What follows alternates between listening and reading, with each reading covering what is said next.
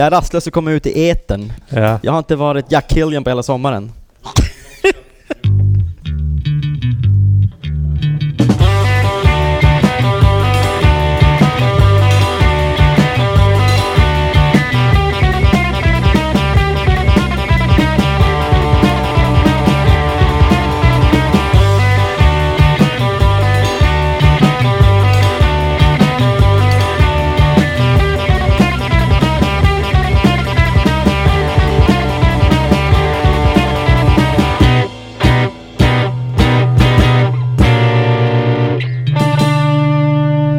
Vara så jag nervös nu.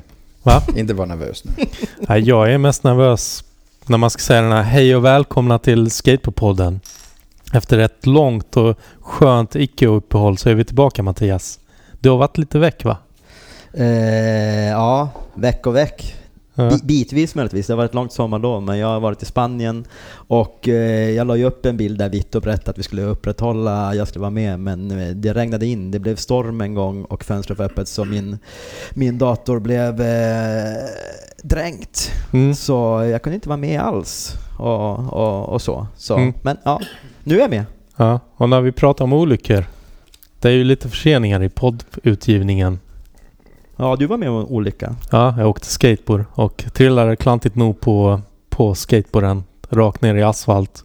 Fick söka upp akuten och eh, ja, en fraktur i armbågen och lite andra sköna skrapsår. Det var ju dessutom en longboard som du följde med. Ja, Ja. Shh, där klipper vi bort. nu är vi armbågssvågrar. Hur känns det? Det känns, eh, vi är inte bara poddkollegor och freestylekollegor, vi är armbågskollegor också. För du har också pajat din armbåge några Båda gånger. armbågarna. Ja. Ja. Och jag kan rekommendera olycksfallförsäkring. Jo, men jag, jag, jag ehm, faktiskt, ehm, jag sponsrade bitvis vårt bröllop med eh, höger armbåge. På riktigt tror Ja. jag. Så, så, ja, så det är ett stort ärr och en eh, lossnad, eh, ja, hela armbågen lossnade. Det var, det var ganska bra med pengar. Mm. Så man kan göra en karriär på det här. Ja, ja, jag Ja. fick så här 6000 bara efter några dagar på Ja, kontot. Ja. Så det rekommenderas. Slå sönder armbågarna. ja men slå sönder dem som jag gör det, då blir det Ja. 6000 när peanuts. Aha. ja, jag fattar att du inte betalade bröllopet 6000 bara. Nej. Hur, nej, hur som helst, vi har en, eh, en stor lista på folk som har swishat sedan sist vi ropar upp alla. Ja, det har vi. Ska jag läsa upp den? Absolut. Jag gör det. Jag börjar med eh, mannen, myten, legenden Hans Götberg. Tack. Vi har Johan Solén. Vi har Anders Signal. Björn Lindqvist. Vi har min gamle barndomsvän från Luleå Represent, Marcus Ek. Tack Marcus. Vi har Niklas Holmberg. Vi har ännu en man, myt samt legend, Martin Willners. Vi har Henrik Söderberg, vi har Christian Ingelhammar, vi har Janne Hautajärvi som har skänkt en synnerligen eh, generös summa till Skateboardpodden. Tusen tack. Vi har eh, Andreas Berglund, vi har Simon Stenborg, Big Up Yourself, vi har Carl Mikael Hirsch, Hirschen, tusen tack. Vi har Henrik Sedelund. Och tusen tack alla ni som har swishat och eh, ni som inte har swishat får gärna fortsätta och eh, numret är 0735 10 28 10 och eh, Hasse Lindgren, du kan ju kolla på vår Instagram. Ta det, ta det lugnt så Hasse Ja. hör det. Jag kommer Nej, han, han får titta på vår Instagram. Okej. Där står numret. Okej. Och eh, ge oss gärna ett betyg på iTunes också. Ni är inte så många som har gjort det, men det är många som uppskattar podden och det är roligt att höra. Eh, idag har vi också med oss en praoelev i form av Peter Klang. Hej! Välkommen hit. Va, vad gör du här? Eh, ja, jag ska försöka lära mig och, hur man gör det här med Ja. podd. För du ska också göra en podd senare. Exakt! En klimakteriepodd tänkte jag öppna. Mm? Alltså hjälpa kvinnor som ska fasa sig från medelåldern till eh, över 50. Ja. Och folk som inte känner till dig, du är en gammal skateboardåkare, surfar mycket och eh, gjorde den här, eller ja, var med och gjorde det projektet med Staffan Hildebrandt. Hooked Eh, for life. Hooked for life, ja, precis. Eh, var min idé. Jag eh, var den som fick ihop alla och försökte hålla oss sams eh, under fem år så vi kunde genomföra projektet. Och det kan vi prata om i en annan podd. Exakt. För vi har en mycket viktigare och internationell gäst här. Att vi har. Ja, vem Ja. vill presentera honom? Jag vet inte, båda vill väl? Ja, Ska vi göra sten, sax, påse eller? ja. det blir lika jättebra podd. ah, du vann! Jag fuskar sax, ju också. Sax mot... Ja, du fuskar. Ja, det är Ja. Presentera du. Men, eh, men nu kommer jag inte på något. Nej men presentera du. Du är bra. Först, först fuskar du för att vinna och sen så... och så, då har han ingenting att komma med när han vinner. fegar du ur. Det, det, det, är så, det är så jag lever mitt liv Peter. Men eh, då, okej, då gör jag det. Vi har Casper the Friendly Ghost som de, han sjunger i badkaret i Kids-filmen. Men det är inte den Casper. Vi har Casper Plass! Ja. Internationell gäst. Ja, Ja. och det kan vi berätta också för att jag pratade lite med Peter Klang och sa ja, men eh, du kan ju vara med och något avsnitt och ja, se hur det går till och göra en podd. Eh, och då sa jag, frågade Peter bara, är det någon gäst du skulle kunna ja, vilja vara med på? Och då frågade Peter mig, ja men kör ni internationella gäster också? och jag bara, vadå? Det, det, det kan vi göra. Vem tänkte du på? Kasper Plass säger han. jag vet inte. Jag tänker mig ganska mycket dig som svensk. Men du är dansk ändå Danmark från är början. inte Sverige, Ja. precis. Ja. Hur, Precis. hur, hur började allt? När föddes du? Vilket år? Åh, eh, 74 Ja. föddes jag. Eh, I november. Ja. Så. Eh, proper ålder av 43. Ja. Var någonstans var det här? Det var eh, strax utanför Köpenhamn ett ställe som heter Fredriksberg. Mm. Får man säga det på danska. Mm. Eh, där växte jag upp. Mm. Är det inte ganska nära när eh, själva tåget, eller vad heter det, när man kommer över Öresundsbron? Ligger inte det? Nej. Tänker jag fel? Ja, Ja. du tänker på Amma. Eller Nej. något sånt. Nej. Eh, Men nej, Fredriksberg ligger... Ja, det är, i, det är väldigt nära Köpenhamn. Det tar tio minuter att cykla in. Så. Mm. Och eh, ja, du växte upp där. Vad, hur kom du i kontakt med skateboard första gången? Alltså inte att du började åka utan vad är ditt Eh. första minne? Det var... Eh, jag och brorsan hade var sin så här eh, typ cruiserbräda i, i plast som fanns på den tiden man kunde köpa. Det var ingen eh, Hobie eller något sånt. Det Mm. var mm, antagligen något BR eller liknande. Jag hade en röd och brorsan hade en blå. Mm. Eh, och så knallade vi runt på dem. Helt omöjliga att skata på, ingen grip tape och tailen var jättebrant. Men Mm. ehm, det var bara en del av alla leksaker vi hade kan man säga. Mm. Eh, man gjorde massa som barn, lekte i parker och cyklade. Och... Men mitt första minne var... I... Jag var mer inne i... Jag hade blivit intresserad i hockey av Mm. alla grejer i Danmark också. Men, så jag gick till hockey när jag var, när det var vinter. Eh, men sen kom brorsan hem med, med en skateboard. Mm. Eh, och eh, han är storebror två, två och ett halvt år äldre än mig. Så det blev mycket så att det han gjorde tyckte jag också var coolt. Mm. Så man kan säga att mitt minne av när jag började skata, det var att brorsan tog det till nästa nivå från de här Mm. små plastbrädorna eh, och fick en riktig skateboard kan man säga. Mm. Ehm, och sen ehm, började vi, bodde på en backe som man skatade ner för backen och sådär. Och Mm. det var jättekul. Mm.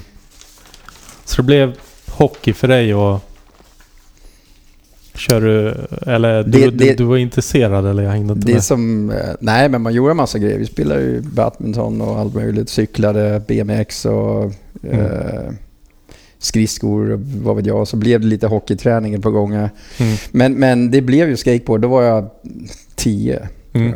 jag. Så eh, då började jag och brorsorna skata. Ja.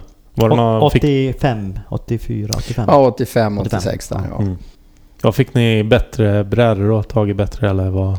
Nej men det, det minns jag också. För brorsan fick en riktig skateboard först. Alltså från en skatebutik. Eh, Mm. Jag kommer inte ihåg vad det var för modell han hade faktiskt. Ehm, Och då ärvde jag då hans eh, bräda som jag sa. Mm. Men eh, jag kommer ihåg när mamma tog mig eh, och jag fick välja min första bräda Mm. ehm, i skatebutiken. Och då, då valde jag en Lance Mountain Mini. Mm. Eh, de hade precis kommit ut med det här, tror jag, kolfiber i det. mellanlagret. Bonite. Bonite, ja. Och eh, det var den här med cavemen under och spjud och så. Ja, just det. Silver, silver med svarta gubbar och så i mini. Och Ja. var så överlycklig liksom. Ja. Visste du vem Lance var då eller? Nej. Utan det var mer grafiken? Ja. Ja. Men hur var det 85-86 i Köpenhamnsområdet? Var det, det fanns alltså skatebutiker regelrätta? ja, Mills tror jag den hette, den vi var och handlade i. Um, M-I-L-L-S. Ja. Mm. Ehm, Så det var är inte svårt att få tag i brädor eller någonting? Men det är Nej, det fanns, ja. det fanns en distribution och två uh, skatebutiker. Lite svårt att minnas vad den andra heter, men ehm, Mm.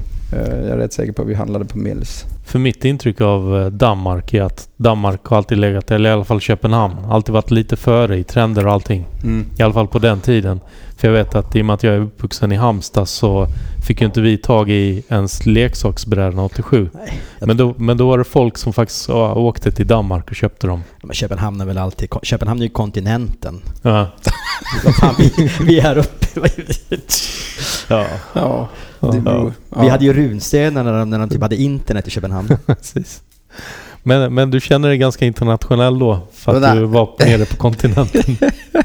Nej, jag tycker det är en lite rolig introduktion. Ehm, nej, det skulle jag inte säga jag känner mig. Men ehm, jag är ju från Danmark och eh, så är det. Men jag har ju bott i Sverige sedan 22 år bak. Mm. Så eh, det är inte många månader kvar tills det är halva mitt liv. Så Mm. jag, jag tänker väl inte så. Nej. Vi, vi ska komma in på det mer, hur du kom upp till Sverige. Men eh, innan det så tänker jag, vad du, ja, den här klassiska frågan som vi har i alla poddar. Hade du en ninja-period i livet? Ehm, jag försökte ha en ninja-period. Mm. Ehm, jag hade polare som hade någon Jackos och allting och så vidare. Och min bror han gick all in, Tobias. Han, han, hade, han gjorde egna kaststjärnor och, alltså i metall, vassa som fan. Och liksom vi, vad jag var med på det var vi drog iväg in till Ströjet och där var det en butik som sålde Vad sa du? Ströget? Eller? Ja, Ströget. Ah, ah, Och sålde, ehm, vad heter det nu, kastknivar. Alltså, alltså, som var balanserade rätt så de, man kunde kasta Ah. med dem. Och ehm, då köpte jag en sån kastkniv och vi hade väl pilbågar i glasfiber och lite sånt. Mm. Jag har något minne av jag hade en lek att skjuta pilen rakt upp i luften i trädgården och sen var tävlingen mellan mig och brorsan vem stod närmast när pilen kom ner i marken. Och så här, jäklar. Det är en riktigt Halv- bra ninja-period. ha, det, var, det, det är inte så ninja, det är mer Robin Hood känns det som. Men, men vi, vi, det, var, det var lite kastkniv och kaststjärna, men jag hade aldrig någon Jack och brorsan hade en. Mm. Jag hade inga um, klädsel heller eller ninjaskor, tofflor. Ja, fast Robin Hood hade ju inte så mycket kastknivar och kaststjärnor. Men, men eh, vi, vi, vi, både jag och brorsan ville gå till karate och det var absolut förbud för det, så vi blev anmälda till judo.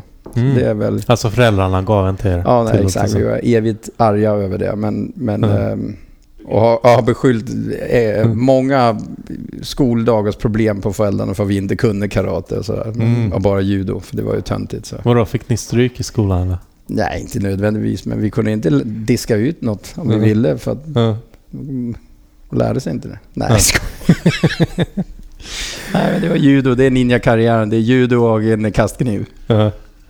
ja, då har vi avklarat den frågan. Ja. Hur var skateboardscenen i tidigt 80-tal i Köpenhamn kanske jag ska säga mer än Danmark? Eh, ja, men det var så att jag och brorsan skatade på väg och sen hörde vi uh, ryktesvägar. Det fanns ett ställe skaterna hängde ut uh, inne mitt i Köpenhamn på något, vid Nörbro, Nörrebro.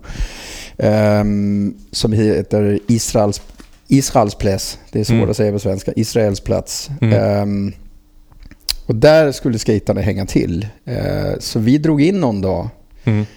och så var det, det var som en, eh, det var som ett basket och fotbollsplan, du vet så här eh, sportplan, allt i ett med korgar till basket och fotbollsmål och så här utan nät och, och där stod det ett flyout tror jag. Mm. Ett flyout, ja. Mm. En quarterpipe eller vad vi kallar det för idag. Men Mm. eh, utan coping och så, utan plattform. Men bara En hoppramp. en hoppramp. Tack. Mm. Exakt, en hoppramp. Vi, vi kallar det för flyout. Ja, jo, men det Ja. flight är också ett Ja, namn. exakt. Mm. Ehm, och eh, så satt vi där inne och tittade på... Där var skaterna ju. Mm. Och det var ju fascinerande för vi hade bara kört själv. Eh, och det roliga med det var att den första personen som kom upp och hälsade på mig. Mm. Alltså vi, vi satt där inne på en bänk och var lite försiktiga och liksom, vem är de här? Och, Mm. och idag vet jag att det var Mark Foley som Mhm. körde för Paloma Street. Så var det Nicky Guerrero och så var det Sting Kelso och så var det alltså, nyckelpersoner inom dansk skatescen Mm. som var där. Eh, Men den första som kom och hälsade var Nicky Guerrero. Mm. Och på den, då tror jag faktiskt att just då var han Europamästare. Ja, Så det, min introduktion till skateboard, utöver att jag hade åkt på gatan med min storebror. Mm. mm, Första gången jag var i en, säg skatepark eller där de skatade, det var då, Mm. då kom folk upp som var 10 år äldre, 8 år äldre och hälsade. Jag bara, hej vad är ni här? Kul Mm. att träffas. För Så- 87 blev han Europamästare Var det mig. 87? För det var i Sverige. Men- har du koll på det här Peter? Jo, jag sitter precis och tänker på det. Det var eh, Täby 87 Ja. gick eh, Och jag vet, Nicky var där men... Nej, nej, jag vet att han vann där. Ja, Över men Tony då- Jansson 2. Ja, ja men då är det 87. Det, Ja, vet, är det, det vet, absolut. det vet Tony Johnson också. Nej men jag bara tänka på året där. Men 87 var det Täby. Om det var Ja, Täby han vann Men jag tänkte om det 87. var något år tidigare också som han vunnit. Eller? Nej, men det kan nog stämma. För att ehm, om man säger, man säger jag rullade runt på de här plastbrädorna 85 och sen fick min första skateboard 86 och så körde vi på hemmagatan och så var det ju så det är vinter och annat. Så det passar nog med att det kan ha varit 87 vi drog in Ja. eh, till Is Israels plats och träffade dem. Mm. 87 var det väl en jättestor boom i Sverige i alla fall. Men eh, Mm. Kan, kan jag få fråga en grej innan, innan det går för långt? Om, Ja. om Nicky Guerrero. Ja. Han, det, här, det här är säkert också kanske som folk vet, men som jag inte vet. Eh, han, han är ju samma efternamn som den mer kände, Tommy, Tommy. Guerrero. Mm. Och Guerrero är ju inte... Det är inte superdanskt, det är ju spanskklingande. Mm, exakt. är han eh, dansk med latinamerikanskt påbrå eller? Vad? Han, han eh, jag vill minnas att han har amerikanskt pass också. Nicky. Ah, Okej, Ja. okej. Så han är dansk, dansk-amerikansk med latinamerikanskt Eller i alla fall en, en förälder åt det hållet. All right. Ja. Kanske inte ska droppa det egentligen att det är hemlighet att de faktiskt är bröder. det är de och så Gorm och Jocke Boberg. Ja, exakt. Exakt. Ja, men då så. Då, då, var det, då var det avklarat. Ja. Mm. Mm. Då var det avklarat. Men eh, vad var vi innan du avbröt oss?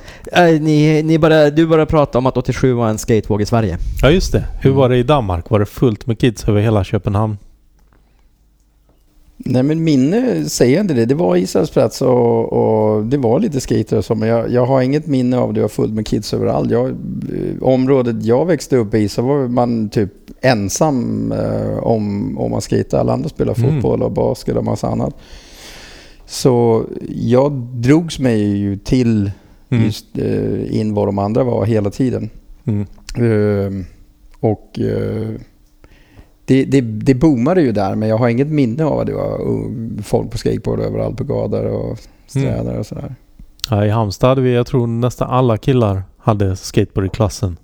87 ja. Ja, Ja, det det var, var, så stort. Vi hade, jag tror vi byggde tre värtramper eller någonting bara i mitt bostadsområde på den tiden. Ja, ja det var... mm, Alltså små värtramper men ändå 90 värt. någonting procent Ja. stod för, någon gång på en skateboard, definitivt. Ja. Ja. Det, så var det. Så var det. Men, men sen eh, Fälleparken tänker jag på. Måste ju ha varit en viktig del av Köpenhamns skatescen eller? Ja, men den kom ju senare. Ja. Jag kommer tyvärr inte ihåg året. Eh, Det började med att bredvid Israels plats så låg så Nöra port där. Mm. Där var ett hus eh, som vi kallade för klubben. Det var så ungdomsklubb. Mm. Och på fjärde våning så hade de byggt en miniramp Mhm. som var helt jävla grym. Mm. Och man kan säga att det, där växte jag upp kan man säga. Mm. Eh, I klubben, varje dag var jag där, upp på fjärde våning, upp och Mm. skejta miniramp. Så stängde de en timme för lunch, Mm. bort och äta lunch någonstans och sen tillbaka och skejta. Och även när Fälleparken byggdes och var, då var det ju i full gång allting. Men Mm. ehm, då hade vi ju fortfarande ingenting vintertid. Mm. Så i princip alla skatare i Köpenhamn Mm.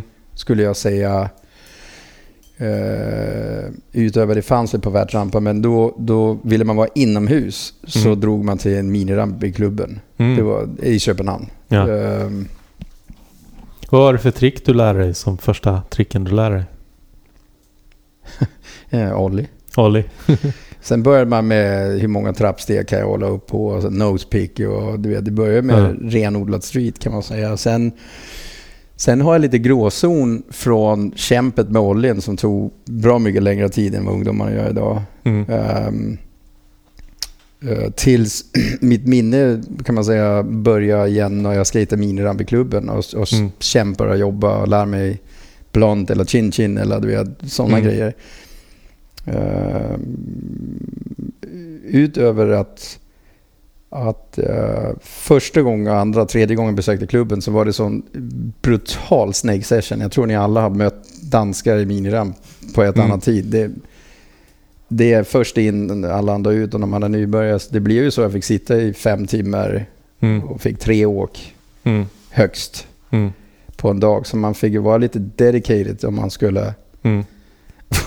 få, till det. Var, det, var det därför du drogs till värt? Det är inte så nej, mycket snake session där. Sen. Men det var hjärtlig stämning ändå? Det var väl inte... Ja, det var hjärtlig stämning. Hård Det men hjärtlig? Hård men hjärtlig alltså. Men, men, eh, nej, men det, det var typ... Jag vet inte. Jag, jag, jag, kan, jag klagar inte på det. För man blev en... Jag upplevde att jag blev en uh, vassare av att det var ett sorts all in från början. Och in, men men i, i dagsläget så... Jag kör ju inte så själv. Jag snakar ju inte varenda kid om jag kan. Jag ser ju till att snaka min generation så kidsen får så. Ja, men din, din, din generation är inte så svår att snaka heller. Ja, Eller vår, kanske vår inte. generation. Ja, Nej. De var Ja, inte nu 40. är alla så gamla så det är ingen som vill snake. Man vill ha så långa mellanrum som möjligt som hämta andan mellan Håkens. Liksom. Men jag, jag måste sticka in med en fråga faktiskt. Ja. Och det, det är som... Eh, som i alla fall jag, mitt huvud fungerar när man märkte att jag är nog hooked på det här.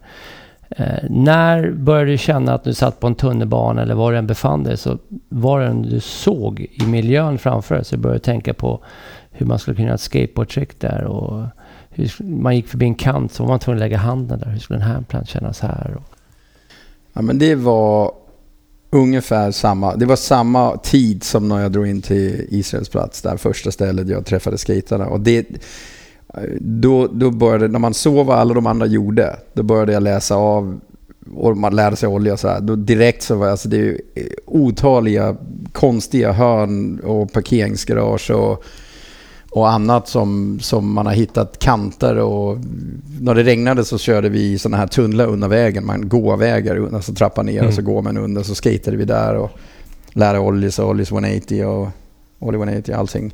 Mm. Så det var ganska direkt, men Hooked for Skateboard blev jag faktiskt... Jag hade ju skater med brorsan och tyckte det var världens bästa grej. Mm. Det var det bästa jag hade gjort. Men när jag kom in dit första gången så uh, bemötandet var nog eh, nästan lika stor för mig Mm. som, som själva skaten just på den nivå jag var där. Mm. Att, ehm, att andra och äldre personer Mm. kom och hälsade och bjöd in välkommen jämte Mm. med det kriget som kunde pågå i en skolgård eller andra ställen mellan någon som var två månader äldre så fick man inte hit eller dit. Alltså, Mm. För mig var det nog ehm, delaktigheten Mm. av skateboard och, och, ål- ingen åldersbegränsningar som, som jag upptäckte ganska direkt. Eh, Mm. Och vänligheten inom... Men självklart i 100% att det var roligt att skata och utvecklas och Mm. prova nytt och det var lite farligt och så här. Så, Mm. mm. Är skateboard unikt där tror du? Med att den här generationen, att äldre tar hand om yngre? Ta hand om eller skita med. Men, men eh, jag skulle säga då tror jag det var. Men nu finns det ju andra. Jag tror att det är likadant på Alltså det är likadant på surf tror jag. Det är likadant på eh, parkour eller mm, andra spontanidrotter skulle jag säga fungerar ganska likadant. Var man inte ramar in um, grupper och träningspass. Jo, man- jo, ja, i och för sig. Men, ja, men jag tror att det är lite unikt i skateboard. Om man inte ska ta det till katolsk kyrknivå till exempel. Så, så är Mm. den rätt unik att den är ganska oskyldig i skateboard och öppen och Mm. ärlig. Ja, absolut. Men Fälleparken som vi pratade om innan, var inte den byggd redan på 70-talet? För det fanns ju några så här små bowls som såg ut som någonting som var från 70-talet. Eller en liten Snake Run, jag kommer inte ihåg. Parken som, alltså skateparken i Fälle. Fälleparken är en stor park. Ja, det, är, så, det är typ Ja. som att säga djurgård. Alltså, ehm, det, är en, det är en del i Fälleparken Ja. som har skatebanan och eh, skateparken. Och, ehm, jag känner inte till det fanns något innan. Mm. Ehm, men ni får väl kolla fakta där. Ja, vi har ju inte berättat det. alltså, nej, för då hade man ju träffats där innan, inte på Israelsplats. Alltså, Mm. Det kom senare och det var ganska nybyggt. Eh, Där, när det blev byggt så var det ju... Jaha, de måste ha byggt det på ja, 80, mitten av 80-talet fast med 70-tals konstruktion. På. Tänker du på den där lilla eh, skålen längst upp i hörnet? Ja. Som hade... Eh, det var helt galet byggt också, för de- de hade designat det så. I Danmark älskar man att använda cobblestone, vad heter det på svenska? Jag tror att det här är kullersten. Ja, du vet de här ojämna block av sten överallt. Och i Fälleparken var den ju ramad in och på absolut märkliga ställen hade den Mm. så här kullerstenar vad är det, eh, längs hela. Och just den här runda, perfekta i svart asfalt, Mm. så här fin svart asfalt som en liten skål. Man kunde åka ner och olla över och ner i en bänk och så här. Ja. Eh, då hade kullersten hela vägen runt på, på topplagret på kanten. Men det liksom. var Så- inte det för att man skulle kunna bryta upp när politi kommer som man kan kasta på politibilarna? när det blir upplopp? Var det inte det det var tänkt? Jo, kanske det. Ja. Och då ska man vara inne i ungdomshuset för att göra det. Men, Det är inte, man ska inte kasta sten i glashus, man måste Nej. vara utomhus. Ja. Nej men det var mycket kullersten och sen var äh, värtramp i metall och sådär. Mm. Så byggdes det till en lång miniramp i, eh, Mm. I eh, asfalt också som hade en jättelång botten och megalång. Mm. Men, men baksidan blir som en bank för alla streetskater. Mm. Så. Så värtrampen som man såg att den var blå yta, det var alltså metall? Eller? Ja, det var plåt som var målad. Den var grå Ja. också ett tag. Och Ja. vet, vet du vad det roliga var med den? Ja. Det tänkte jag inte på. Alla år i Danmark så var det en stor fet locka på extension. Ja. Alltså målad på. Så det är som en tag men alltså med pensel och så här jättefin. På hela Danmarks värt, värtramp på extension så står det BAM.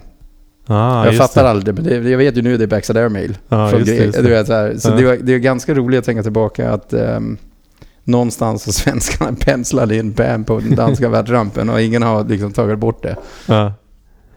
Vad var det jag tänkte på? Men, men någonting måste ha lockat dig även om den var där i stål liksom. Att droppa in. Eller var det första värtrampen du råkade ut för? Nej.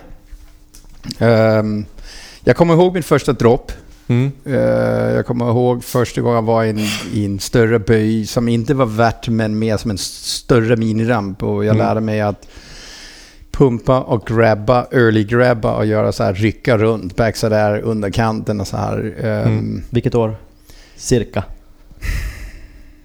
Och- 2005? Ja men det är, jag, tror, jag tror det är 87 allting. Alltså, Ja, det- ja, det är så. Ja, Det är så, alltså, det, det, jag vet inte. Det, Ja. det, jag har dåligt minne på det sättet, men det känns som att från start till att man, jag hade en någorlunda tryck på sig, då gick det Mm. liksom ingen tid. Alltså det var bara poff. Mm. På värt? Nej, inte, värten kom ju Nej, senare. men vi pratar böj i alla fall. Vi pratar Ja, böj och ja, miniramp ja, och så här. ja, men, ja. men droppen på värt skedde ju också ehm, senast 88. Mm. Ehm, men jag, jag, jag kommer inte ihåg vilken värt det var. Mm. Men det var inte Fälleparken? Nej, det var Nej. inte Fällepark. Vi var ute på en annan värt. Eh, Jag och brorsan också. Ingen annan var där. Och så titta ner och du vet, ångest och ångest droppa. Och, och Mm. som tur var klarade jag det så man inte blev um, vettskrämd för det. Mm. Eh, och sen gjorde jag eh, min första roll-in på, jag tror det var Lyngbyrampen hette den. Den var så under tält och hade lite större proportion coping än vanligt. Mm. Men den dagen jag gjorde min roll-in, då var Rune Glifberg där ute. Mm. Och han var- hade lärt sig att droppa. Jag kommer ihåg att han kunde göra 50 grinds och fake ollies och eh, lite annat. Ja. Var det första gången du träffade honom eller? Eh, det var första gången jag la han på minnet. Mm. Vad, eh, men sen måste du ha droppat in i värten och, Ja. och fastnat för värt. Ja. Vad var det som gjorde att du fastnade för värt? Eller var du minirampsåkare Jag, samtidigt? jag, jag skulle personligen säga att jag, är, jag var de första tio åren minirampsåkare. Mm. Renodlad så som tog värten. Alltså vi hade ju bara en utomhusvärt. och Vad blev det på en sommar utan regn och så här? Mm. Fyra Två, tre- månader. Ja, med en sten med regn och skit liksom. Så Mm. jag, om man skejtar värt tre månader per år så, och, och miniramp Mm. 12 månader per år. De Mm. dagar man inte ska värtade så gör det med miniramp och sådär. Så, så känns det mer som man... ehm, men det var ganska perfekt för att vår miniramp hade eh, branta extensions och annat. Så vi lärde oss, jag kommer ihåg jag och Rune lärde oss alla Mm. trick på en, på en liten Mm. extension på en miniramp. Och sen Mm. så snart vädret tillät så eh, drog vi in till fällparken Ja. och gjorde tricken där. För jag antar att minirampen var ganska stor jämfört med vad en miniramp kan vara idag. Nej, Att- tvärtom, den var faktiskt, den var faktiskt väldigt liten. Ehm, kompakt liten men den hade element i sig. Det är jättesvårt. Om man tänker sig en vanlig låg miniramp med en liten extension-del Mm. men med en tight böj för den var inte så hög. Den, Så kan, mer- den mer har nog bara varit 1,60 hög eller? Som mer som Humlans kanske.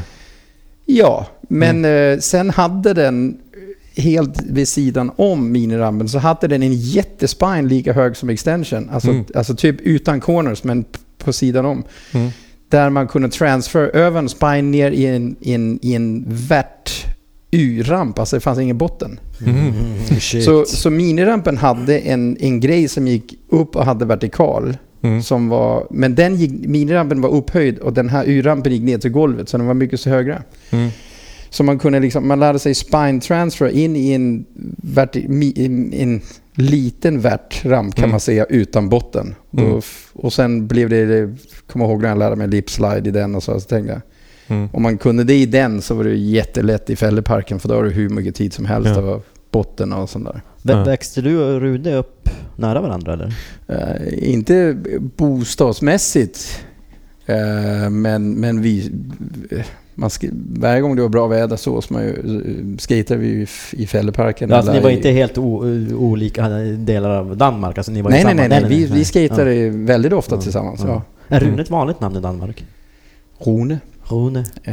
Det är Eh, supergubbigt på svenska. Jag, jag är mer vanlig än Kasper var på den tiden. Mm. Aha. det var inte shit. någon i skolan eller grannskolan som hette det. Mm. Vet du varför du fick namnet? Kasper? Nej, Av dina föräldrar? det har de säkert berättat men jag har inte tänkt så mycket på det. Ja. Ehm, nej. Då får vi... den, den frågan. Kan du, vi har ju faktiskt Kaspers föräldrar här på tråden. Kan du... Exakt, varför fick Eh, hur var det med, med brorsan? Tävlade ni vem som var, kunde lära sig senaste tricket eller blev du bättre ett tag eller? Ja, alltså absolut. Eh, Det fanns ett, eh, en, en eh, gedigen känsla av broderskap att vi gör det här tillsammans. Det var Mm. någonting som vi, alltså vi slogs hela tiden känns det som. Men utöver när vi skejtade så gjorde vi det tillsammans. Mm. Bråkade och sådär. Men, men Tobias, han påstår något annat. Men jag skulle säga att han är, han är jävligt mycket bättre än mig. Mm. Ehm, men han vågar inte lika mycket. Mm. Alltså där, ehm, han, när jag, när jag, innan jag kunde droppa och göra någonting så stålade han handplants och försökte snurra hit och dit och göra allt möjligt, men han landade aldrig. Mm. Mm. Och som lillebror så var det lite sådär, eftersom jag ser upp till sin storbror, det började väl med att så här, vågar du klättra upp i det här trädet? Så gjorde jag det, jag rasade ner, slog hål i huvudet eller du vet så här. Men det var ju Mm. utmaningar hela tiden. Mm. Så min, min erfarenhet är att, att vi skejtade hade kul tillsammans, men han var, en, han var jävligt duktig. Mm. Men att jag, vad ska man säga, jag, jag vågade landa, Du var landa, mer landa tricken. Ja, Ja, exakt. Ja. Eh, det kanske har funnits någon form av ehm, att jag skulle visa han att jag kunde eller något sånt i Mm. tidig ålder. Kan Ja. jag tänka mig. Så Ja. i vilken ålder så gick du över från att liksom ha sett upp till din storbror som förebild till att tycka att det var en pussy? det tyckte jag aldrig. Men, för att när jag, nej men grejen var, det, det handlar om, det handlar om värt och miniramp. Och där, där lärde jag mig ganska snabbt och så åkte ifrån han. Men, men sen började Tobias med street, när street tog över. Men det kommer Mm. vi säkert till nå- runt um, 91, 92 Mm. och sådär. Ja. Ehm, då var han ju en av de bättre streetskaterna i Danmark och eh, var först med Switch 360 flips och han var är och var jävligt duktig skateboardåkare men inte men, men kanske inte på värt, Mm. så skulle jag säga. Mm. Men eh, vad, vad var det som gjorde mm, att du hamnade på, jag vet inte, eller hoppade vid tidslinjen, Bones Brigade, Euro Brigade? Täv- tävlar du? håll dig till tidslinjen Ja men det är ju ganska nära. Eh, jag. nej men det var, det var så att ehm, som jag sa, jag var varje dag i klubben. Mm. Om, om, eh, om det var dåligt väder och fäll, innan fälleparken och efter. Den var där. Och då någon dag så kom Bones Brigade-teamet till Danmark och skulle göra... Och då skulle de ju skata, skata en uppvisning eller... Ja. Tommy skulle hälsa på sin brorsa Nicky. Exakt. Vilka var det? Ehm, jag tror det var... Det var Tony Cab och det var... De hade kört någon demo i Tivoli också har för mig. Mm. Men, ehm, Alltså Tony Hawk och Steve ja, Caballero. exakt. Och, och ehm, jag tror att... Typ... Lite olika. Jag, jag, vet, jag, jag, jag minns inte exakt alla faktiskt från den demon. Det är väldigt många år sedan. Mm. Men då, då tyckte de att det var tråkigt att bara köra någon liten demo i en lokal miniramp. Alla satt på pluton. Så de sa de som vill få skata. Och då Mm. skatade jag. Mm. Och eh, tror dagen efter eller två dagar efter så kom jag in till klubben igen och så längst ner så var det så här chillrum med soffor och man kunde köpa Mm. chili con carne för 15 kronor. Och då tog Mark Foley som körde för Bones Brigade då mig åt sidan Mm. och så sa han du, eh, vill du köra för Paul Peralta? det roliga var det, jag kommer ihåg min första tanke, det var att jag inte gillar deras shape. Mhm. Min absolut första tanke var att jag gillade inte Mm. deras shape, men då satt han med en bräda med den nya shapen som kom ut nu, Ja, som det. hade lite mer nose. Ja. Och eh, då tittade jag på den och så sa jag, det vill jag väldigt gärna. Och sen i efterhand har jag ju direkt efter, kan man säga, en halvtimme efter, vad man säger, så tänkte jag så här, det var den märkligaste tanken jag fått. För att jag, jag var ju inte sponsrad av någon butik eller... Mm. Jag, jag kanske hade lite B-spons, du kan få köpa de här skylten lite billigare eller du vet så från en distribution eller... Men Men vems shape tittar du på? Hade Mark Foley en? nej, nej, men han hade ju en, en Paul, en, en Paul Peralta-bräda. Ja, ja. Som- Men också som Mark, hade de åkte Mark nya- för Powell? Ja, Okej. ja, ja. All right. Så, så han frågade mig i klubben, jag sa ja tack och så gick det väl någon månad.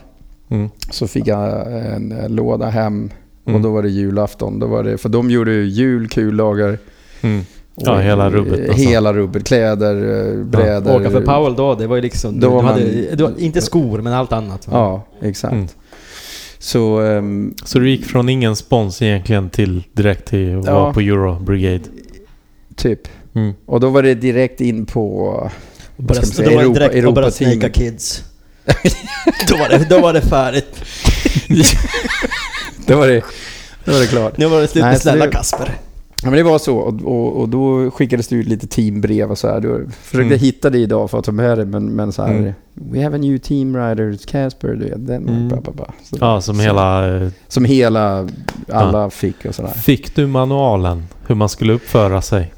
Nej, alltså jag tror den manualen ni pratar om är amerikansk. Alltså Mm. är från USA. Jag hade, det var en dansk kille som var teamkapten över Europa-teamet, Frank Messman. Som Mm. Ja, sedan gick vidare och hade massa stora affärer och distributioner. Ja, och startade- Rock och- Ja, ja. exakt. Ehm, och så vidare. Men, men han var teamkapten då. Mm. Och också värtåkare faktiskt. Nej, freestyleåkare var... Ja, också. Aha. Men också värtåkare. Ah. Jävlar, vilken kombo.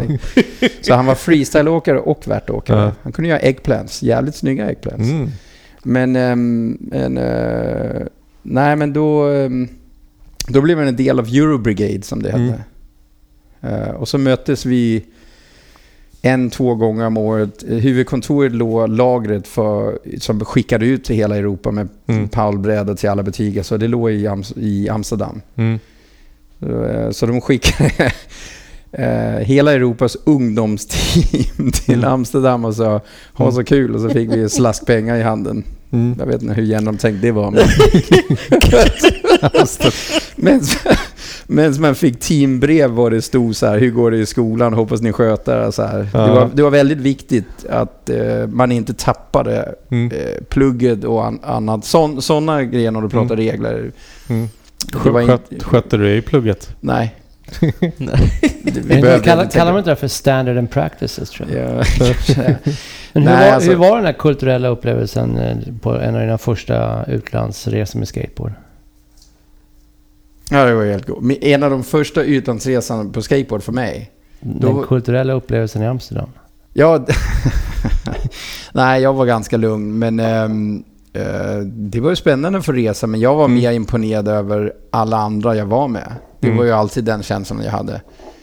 Ehm, Fick, fick du inte träffa Rodrigo och eh, Stefan Tott? Vi träffades, men vi lyckades på något sätt, eh, Valde Benito och Tod, lyckades vi någonstans... ehm, ehm, vi träffades och hängde, men inte lika mycket. Alltså det var så här, vi gick om varandra. När jag inte Mm. var i, med på Europagrejen så var de där eller liknande. Mm. Så, här. så det var... Det var mer när jag kom till Sverige med Hasse att, ehm, Mm. att det började, kan man säga. Ja, men det kan vi gå in på lite ja, senare. Ja, Men du fick ju vara med i Powell-filmen. Var det propaganda eller var det band? Nej, propaganda var det va? propaganda var första jag var med i. Ja. Ja. Men du var också med i Eight eller? Jag hade eh, det eh, ett trick i Ett eight. trick. Ja. jag vill inte säga det, men det var ett, jag hade ett trick i eight, ja. Ja. Var, du Från- med, var du med propaganda? Ja, Shit. där, Det det, det lyckades jag också strula till lite grann, Mm. men, men så är det. Men jag var med i Vad, propaganda. Berätta, strula vad- till, vadå strula till? Nej men det var, det var ju lite annorlunda än vad det är idag. För att nummer ett så, så fick vi besked, nu kommer filmen, vi ska göra en film och ni ska vara med. V- Vänta, för att, förlåt att jag avbryter, men, men propaganda... Åt, nej, 91, Den kom 89? Eh, 90. Ba- Bandis, 90. Så här, Bandis kom 89. Propaganda Jag, jag kom 90. på teamet 89, Bandis kom... Så det gick just, det var det jag menade, 89. Så vi pratade 86, 87 var jag Ja, inne i 87, för första 88 gången där. nästan, Så, 90 propaganda. Mm. ehm, Exakt, Ja, så ja. 89 kom Bandis och den hade jag i det första paketet jag fick. Men, men ehm, 90 var jag med i... 90-91 var jag med i Och propaganda. du strulade till det. Nej, men det var, då hade jag ju börjat hänga med Hasse och, och var väldigt imponerad, Lindgren, och var väldigt imponerad av han. Så i- först, först var det svårt för att de sa nu kommer det en film av denna en dag, möt oss på rampen. Och så stod jag där, jag och Nicky Guerrero.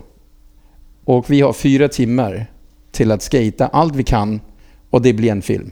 Det är det, det var ingen, det var ingen ett år eller vad man har idag. Det var ingen så här. Det var fyra timmar, or leave it, eh, Mm. klart. Och... ehm, Det är som den här poddinspelningen. Ja, exakt. exakt, exakt, exakt. Nej, så det var lite andra puckar att få ihop bra material. eh, För att, för att hade du en dålig dag så var det, så var det kört. Mm. Men jag, hade, jag tyckte själv att jag var väldigt nöjd med den dagen, kommer jag ihåg. Och när den släpptes så undrade jag, jag har alltid undrat över varför var det här tricket inte med? Varför var det här tricket inte med? Mm. Jag har väl totalt, jag kommer inte ihåg om det är 8, 9, 10 trick eller något sånt där. Mm. Men, och så undrar jag, men vad fan, jag gjorde Ollie to fake i. Varför Mm. tar de med en mute to fake? Alltså du vet så här. Mm. Och så sa, Hasse till mig, du, hade inte du ett stort schmittstick stickers under din bräda? Ja, just det. "Eh, jo, kanske. Det, det är det där av tillstrulningen. Därav tillstrylningen. Att jag Ja. hängde så mycket med Hasse, jag hade klappat, säkert klappat på ett schmittstick stickers. ehm, som han var, team, han var ju teamkapten för schmittsticks och, Ja. och hade distribution och så. Eh, så att jag... ehm, det kan mycket möjligt vara så att eh, hälften av mina trick inte kom med på grund Mm. av det. Ja, 100 procent skulle jag vilja säga. ja om, om det nu fanns ett sånt. You, Please. you, you, you made yourself a powerful enemy. Oh yes. Som jag känner Stace i alla fall så kan jag säga att Ja, men- that shit don't fly. nej, det, det skulle jag inte heller tycka. Nej. It flew, but with Schmidt sticks. Det var det. Alltid Hasses fel. Coolt märke faktiskt, Schmittstick. Men vi ska fan. gå in på det här med... All, Hasses förtjänst. Ja, precis. Vi ska gå in på det. Men eh, då var du... Var, du var med i RAD också väl? Eller? Jag har för mig att jag såg en bild. Ja, det är ju en annan sak. Jag har ju lyckats... Jag har lyckats eh, inte fota och filma under hela min... Alltså allt jag skejtade i princip. Tills, tills sist, bara det senaste tid i Stockholm. Mm. Eh, så jag har ju inget material utöver det lilla som Rad, eller jag var med i en fransk tidning som heter No Way. Mm. Eh, hade jag någon helsida i och sådär. Mm. Och då har jag lyckats hitta det utklipp, men, men allt är typ borta. Jag har, Vad var det för någonting som var med i RAD? För jag vet bara att du var med men jag minns inte vad det var. Ja, men jag minns inte det. Jag Nej. har inte det. Det var lite så att, att jag brydde mig inte så, lite, så mycket när jag var ung Mm. om sånt. Du Mm. vet. Ja, ja. Du Mm. vet. Det var ingenting som hängde på hyllan eller stod på hyllan Mm. eller hängde på väggen. Mm. Och när jag då drog till Sverige så uppmagasinerade jag allt jag ägde hade ett ställe Mm. hos en polare. Och jag trodde jag skulle, det kommer vi säkert till, men jag trodde inte Mm. mitt, min vistelse skulle vara 20, 22 år i Sverige. Så jag trodde det skulle vara tre månader. Mm. Eh, vilket har resulterat i att allting har slängts. Mm. Så det, det finns inget. Men Mm. är det inte också en sån här grej? För den kommer jag ihåg. Att man... Nej, nej, nej, nej, nej. Fota inte nu för att jag har, jag har precis lärt mig det här tricket. Vi tar om en månad och gör det mycket bättre. Ja. Så efter en månad har han lärt sig ett annat trick som man tyckte var ännu Ja. Bara, Nej men vänta nu, jag ska bara få det här tricket riktigt skönt. Det blir jävligt bra bilder. Så man lite skyldig själv till att man sköt upp de här full sessions. Ja, alltså jag var mer så här, jag tyckte det var ett störande moment. Jag älskade att skata, jag älskade att skata med mina vänner och ha en, Mm. och en bra session så tyckte jag en kamera var i vägen. Mm. Nej men vadå stoppa, du skulle göra det där tricket. Jag vill göra det jag känner för. Jag droppar in Mm. och så känner jag vad jag vill göra. Det var inte Så- lika naturligt med kameror på Nej den men jag, tiden. jag och, och brorsan var ju fotograf så jag, liksom, Mm. han hade kameran i facet på mig hela tiden. Men jag bara nej, Mm. du vet. Jag, jag, jag tror de flesta, Dave Östlund har fotat mig en del och, Mm. och sådär. Props till Dave Mm. för det och tack för det. Men Mm. Ja, jag har tagit hundra har- frontside Ja, jag tänkte säga, har du inga bilder där? Jo, då, Jo. jo. då. och av någon anledning så alla, all, folk har bara bilder på frontside ollie. Men det kan vi komma in på sen. Kan, inte. kan du något annat då? Ja, nej. Men eh, så din brorsa var fotograf ganska tidigt eller? Ja. Ja. ja. Men ändå inte så mycket bilder på dig från den tiden. Eh, jo, eh, så han filmade mest skate då. Det var då när, eh, vad hette det, Super 8, hette det det? Den här gråa Sony Super 8, eh, såna, Mm. eller vad det heter. High 8 eller? High 8, jag kommer inte ihåg. Men så filmade han och sådär. Och allt blev ju överspelat. Så blev det något annat som var intressant. Och så hade man inte tapes. Det var inte Ja. digitalt, så det var överspel. Det var överspelat. Så det kan Ja. finnas något någonstans i, i något hemligt lager. Men vi är liksom Ja. inte i brorsans källare. Men vi har inte hittat det. Så. Ja. Men, Jag har din första tävling i Sverige. Ja, just det. Det kommer vi till. mm, Borås eller? Nej. Nej. Berätta om tävlingen i Sverige då. Vad var det? Första? Ja, men det var... Eller Det var ju, jag, jag hängde ju med Hasse Mm. Lindgren hela tiden och så upp till han och tyckte det var riktigt, riktigt kul att hänga med honom. Så, ehm, ehm, så han tog mig till Stockholm. Mm. Ehm, Men det här var långt senare? det Eller? var... Kan det vara 91? Ja, tack. Mm. 91 kom jag till Stockholm och ehm, då träffade vi Greger och så träffade vi, eller så träffade jag eh, Per Holknekt och så vidare. Och så vidare. Och det, ehm, första minnet av Street Style, det var jag kom in och hälsade på Per Mm. och sen stod jag, så stod Hasse och Per och pratade så um, stod jag och kollade på en Stussy, Stussy, Stussy, keps. Grön med svart du vet, här, skydd. Eh, och tyckte den var jättesnygg och tänkte så här, om jag, om jag, kollar med djurögonen så kanske jag får den. Och Per han sa, han sa, alltså, vad, vad kostar den här? Så jag, du vet, så här. Och Per sa så här, ja, du får den, men om du vinner Humlan, tävlingen där, Mm. mm, så ska du betala 500 spänn för den. Och den kostade 250 eller något sånt. Om du Mm. vinner så ska du betala. Om du vinner ska du betala mig 500 spänn för kepsen. Annars ska du få den. Och det var, eh, vad jag har förstått så var det Sveriges första prispengatävling. Ja. Mm. På 5000 spänn. Aha. Var det här, eh, vad heter den, Hot Tuna? Ja, precis. det var- Bams, Bams i Humlan. Ja, exakt. Ja, precis. och, ehm, så jag ställde upp i den och ehm, så vann jag. Vilket jag inte räknade med. Mm. Och eh, kom upp jätteglad och hade vunnit. Och Mm. Per bara pang fram med handen. Så bara 500 kronor. Du hade räknat med det bara var någon form av skämt eller sådär. För jag Mm. skejtade med den också. Ja, just det. Så ja. du har liksom, Ja. jag hade skejtat med Stusse-kepsen. Ja. Men nej, jag fick betala 500 kronor. Och samma kväll så gick vi ner, Hasse och jag och några till och skulle kolla på Stone Funkers Mm. i eh, Kungsan. Mm. De spelade live där. Åh shit vad grymt. Ja, det var grymt. Då hade jag aldrig sett eller hört om dem. Mm. Med Tjongan eh, på trummor och allting. Jean-Louis Hutta. Mm. Eh, Nej, det är väl osten på trummorna i Stonefunkers. Eller han hade såna här små... Pip, Ja, kongas. pip, pip. Ja, Ja, precis. kongas. Trummisen är- Ja, jag menar, jag menar kongas. Kongas eller vad det heter. Ja, sorry. Ehm, och jag hann precis komma ner till Kungsan så kom det kickars gäng och eh, gick förbi mig och bara lyfte av kepsen utan att säga något och gick vidare. Och jag Mm. förstod direkt liksom att... att eh, Mm. Att du inte ska mucka med Paolo ja, Roberto. det, ja, exakt. Det var Paolo Roberto. Det kan ha varit det. ja. Men det kan ha varit det. Ja. Men, eh, och då gick jag upp med kattögon igen till Per och, och sa min keps blir snodd, vad ska jag göra? Och så sa han, ja du kan köpa en ny för 250 spänn. Så du lyckas alltså på första dygnet träffa två av de eh, trevligaste stockholmarna. Per Holknekt och Paolo Roberto. ja, exakt, och Greger. Ja. Fast, fast Ja. Greg är ju trevlig. Ja, fast Greger tror jag faktiskt... Nej, Greger träffade jag första gången i uh, Münster. Måns, alltså i Münster tror jag det var. Mm. Också med Hasse. Typ 90 eller? Ja, någon gång där. Det har jag ingen minne av. Jag vet Mm. bara att jag träffade två tokiga svenskar Hasse kände. Det var Pontus Karlsson och Ja. Greger. Ja. Och de står ute i gången på hotellet och har någon tävling om vem som kan sparka upp på dörrkarmen. Och dörren är öppen där längst upp Mm. på karmen. Pontus ramlar och sen kommer vi tillbaka senare. Öppnar, knackar på och öppnar dörren och så sitter Greger på toaletten och gör tvåan då, kan Mm. man säga. Um, för öppen dörr och bara sitta och äta något och prata samtidigt. Jag vet inte, det var... Så jag var, jag var självklart imponerad direkt. Ja. Så då kan vi gå in på den här frågan. Vad tycker du är den största skillnaden mellan eh, Danmark och Sverige? Oj, oj, oj.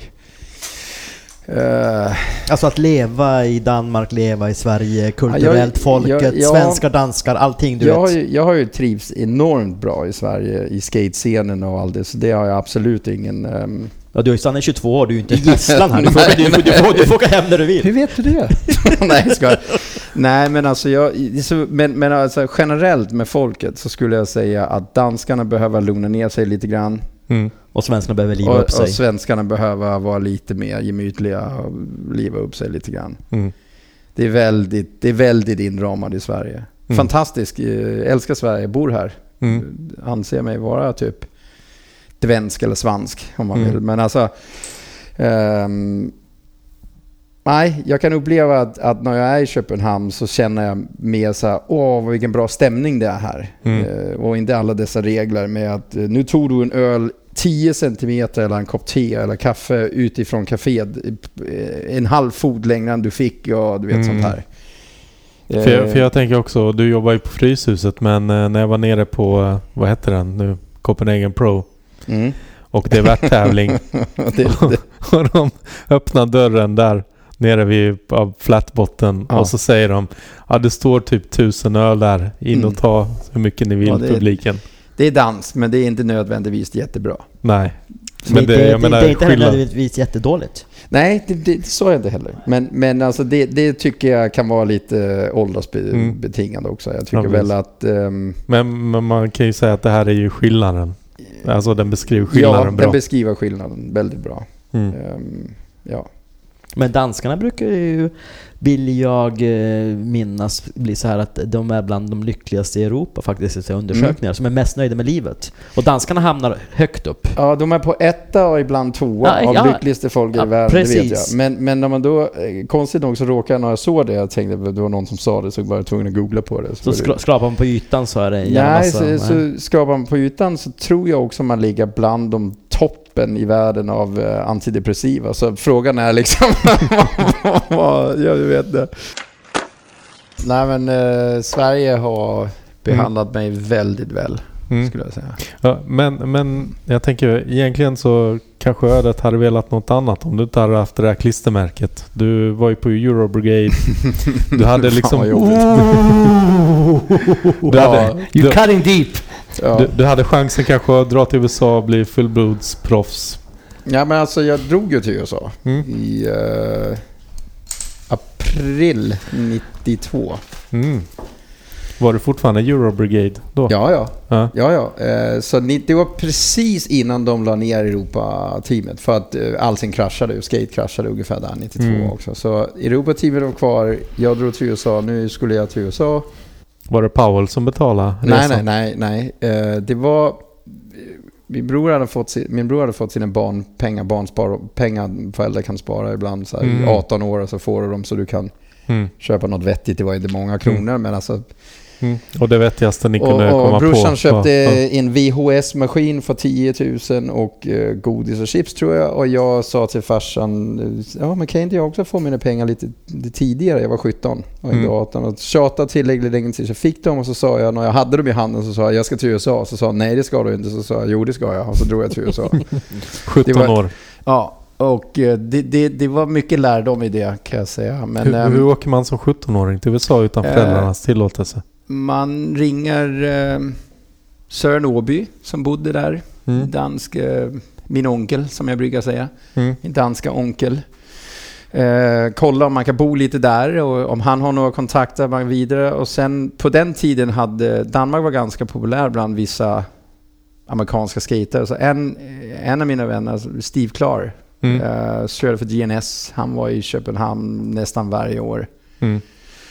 Så han hade lärt känna och så jag ringde han också och, ehm, och då kunde jag crasha där, lite olika Mm. ställen. Så drog jag över till USA. Alltså, det är klart han till slut, farsan till slut godkände det. det, var Ja. bara, jag, var, han, han insåg väl att det inte var så mycket att säga till det. Men, och så drog jag över och bodde först med Sören Åby och sen eh, ner till Steve Clark i San Diego. Mm. Båda var GOS-åkare på den tiden va? Sören Åby körde för Santa Cruz. Ja just det, det kanske jag gjorde. Han var Ja. pro för Santa Cruz. Var, var Mm. dina föräldrar supportande? Förlåt att jag avbryter, men, men på tal om, om alltså med din, förutom USA-resan, men de, var så, de tyckte om skateboard eller? Ehm, mamma var, så länge du är glad så är allt bra. Ja, så länge du har perfekt. vänner så är allt bra. Ja. Med, alltså super supportive, eh, men inte så som idag man ser reste med på någon tävling. Hon var med på en tävling och det var, det var Danmarksmästerskaper och Europamästerskaper på samma tävling. Mm. En dag emellan eller samma dag, inne i forum. Mm. Och där körde jag DM och där var hon med, nu när vi pratar om när hon var med första gången. Och det, och det gick inte, så jag bad henne, jag bannlyste henne. För att det enda, alltså varje gång jag droppade in så hörde jag så här! från sidolinjen och jag blev, så, jag blev så stressad så att hon tyckte det såg så läskigt ut så det var, nej det gick inte. Så jag bara, mamma du, det, jag är ledsen, jag älskar dig men du får inte vara med längre. Ja. Och, och, och farsan var, var upptagen med annat. Ja, okej. Så, Så eh, din då- pappa bodde väl utomlands ett tag? Nej, det är nyligen. Det var, Det är nyligen. ja, det var tio år sedan bodde han, alltså för par år tillbaka, bodde i Malaysia lite sånt där. Men, men det, var, det var inte då. Mm. Han reste mycket på jobbet. Mm. Ehm, men nej, så, så det, var, det var... Jag kom ju hem och var glad. Och hon hade väl lite inställningen att um, det viktigaste var att jag var glad och inte vad min Mm. hur det gick i skolan. Men vad? skolan. Ja, Alltså du Ja. vet med så. Så hon, var, hon, är lite, hon är lite hippie på det sättet. Mm. fint. Men USA där, 92 när du åkte. Du tog pengarna, åkte dit och bodde hos dit, dem. eh, Steve Clark och... Ja, det första som hände, jag var där en liten stund och, och Sören bodde med Bob Boyle, Hugh Mm. Bob Boyle, Mm. som också var pro, eh, britt från, um, pro Mm. från um, Ja, han körde för Cruz. GOS. Nej, Santa Cruz också. Ja, men alltså man kan köra för GNS-truckar. De fanns ju där. Ah, Nej. Eh, men de höll ju inte så länge. Alltså de, eh, det var bara en kort period de hade DNS-truckar där. Jag är osäker Mm. på om de fanns i 92 faktiskt. Jag tror Mm. de har lagts ner. Men, Ja. men ehm, nej, han var, han var Santa Cruz. Ehm, och ehm, då bodde jag där och någon dag så skulle vi byta, Bob Boyle skulle köpa en ny eh, bilstereo. mm, Och eh, så drar vi till en um, tv-butik. Allting var så fantastiskt i USA. Det så stort så det var så 500 tv-apparat på väggen. Alla Mm. skickade samma TV, alltså nyheter eller vad det var. Och då bröt, bröt eh, LA Riots ut. Det Ja, var just det. första 92. maj tror jag. Ja. Första maj 92 ja. så bröt LA Riots ut. Vi stod och kollade på tv-apparaten av den här stackaren i, Rod, i lastbilen. Rodney King-incidenten var det det började med. Det, det började med Rodney King, men Ja, faktiskt ja, jo. i- innan var det en... ehm, asiatbutik som hade skjutit en African American. Ja, var det inte Rodney eh, King som Jo, startade med? men det hade hänt en incident innan Ah, också. okej, ja, så det var ja. kombinationen. Och sen släppte de ut en stackars... Ja, Ja, fortsätt. och så gick de ju bananas. Och det hände bara några block ner från var vi var och bodde. Så jag blev, vi rusade hem och sen... Jag pratade med Sören om det här efter det. Han kanske inte hade den bästa bedömningen där, men han skulle i alla fall träffa någon, någon Mm. annanstans, inte i LA. Mm. Så han skjutsade mig över till en kompis eh, som heter Eric Stanley. Eh, som eh, han kände. Och placerade mig där och sen drog han till en annan, eh, alltså utför LA. Mm. Eh, och så satt jag där i tre dagar för allt var stängt. Alltså medan LA Riots hände i princip nästan precis utanför var jag satt. Mm. Det var, det var nog... Ja, det var inte trevligt. Mm. Det var, men liksom det värsta som kunde hända i Köpenhamn var att man hamnade i någon form av kicker fight eller något sånt där. Det fanns Mm. kickers där också. Och, ehm, och helt plötsligt så var det vapen och skott och Brände bränder halva och, South Central. Mm. Allting blev totalt smashat och satt man Mm. som 17-åring och tänkte ja, jag vet nu inte riktigt om Mm. det här var rätt. Du var inte inne på NWA i hörlurarna? Nej, jag satt inte och lyssnade på en Fan vad man hade skitit på sig alltså. Var det de som gjorde den där Fuck the Police? Ja, ja, ja. Ja. Ja, exakt. Nej, jag, hade, men jag hade det, suttit på, lyssnat på Cornelis Vreeswijk med, Ja, med, stängd, med exakt. stängda fönster. ja, men det, var, det var speciellt. Så, när, när motorvägarna öppnade igen efter tre dagar så kunde jag dra ner till San Diego och hänga Mm. med Steve och Cousin Bill kallas han för. Steves cousin och sådär. Mm. Men tillbaka till frågan. Ja, då är vi kasta tillbaka. Då Ja. är vi tillbaka efter den eh, obligatoriska kisspausen för Mattias. Ja, men Peter Klang har köpt Kona Brewing Company Big Wave Golden Ale. Inte Det- dåligt. Nej, lyxöl! Så här, Mhm. så här fint har inte haft sen Greger...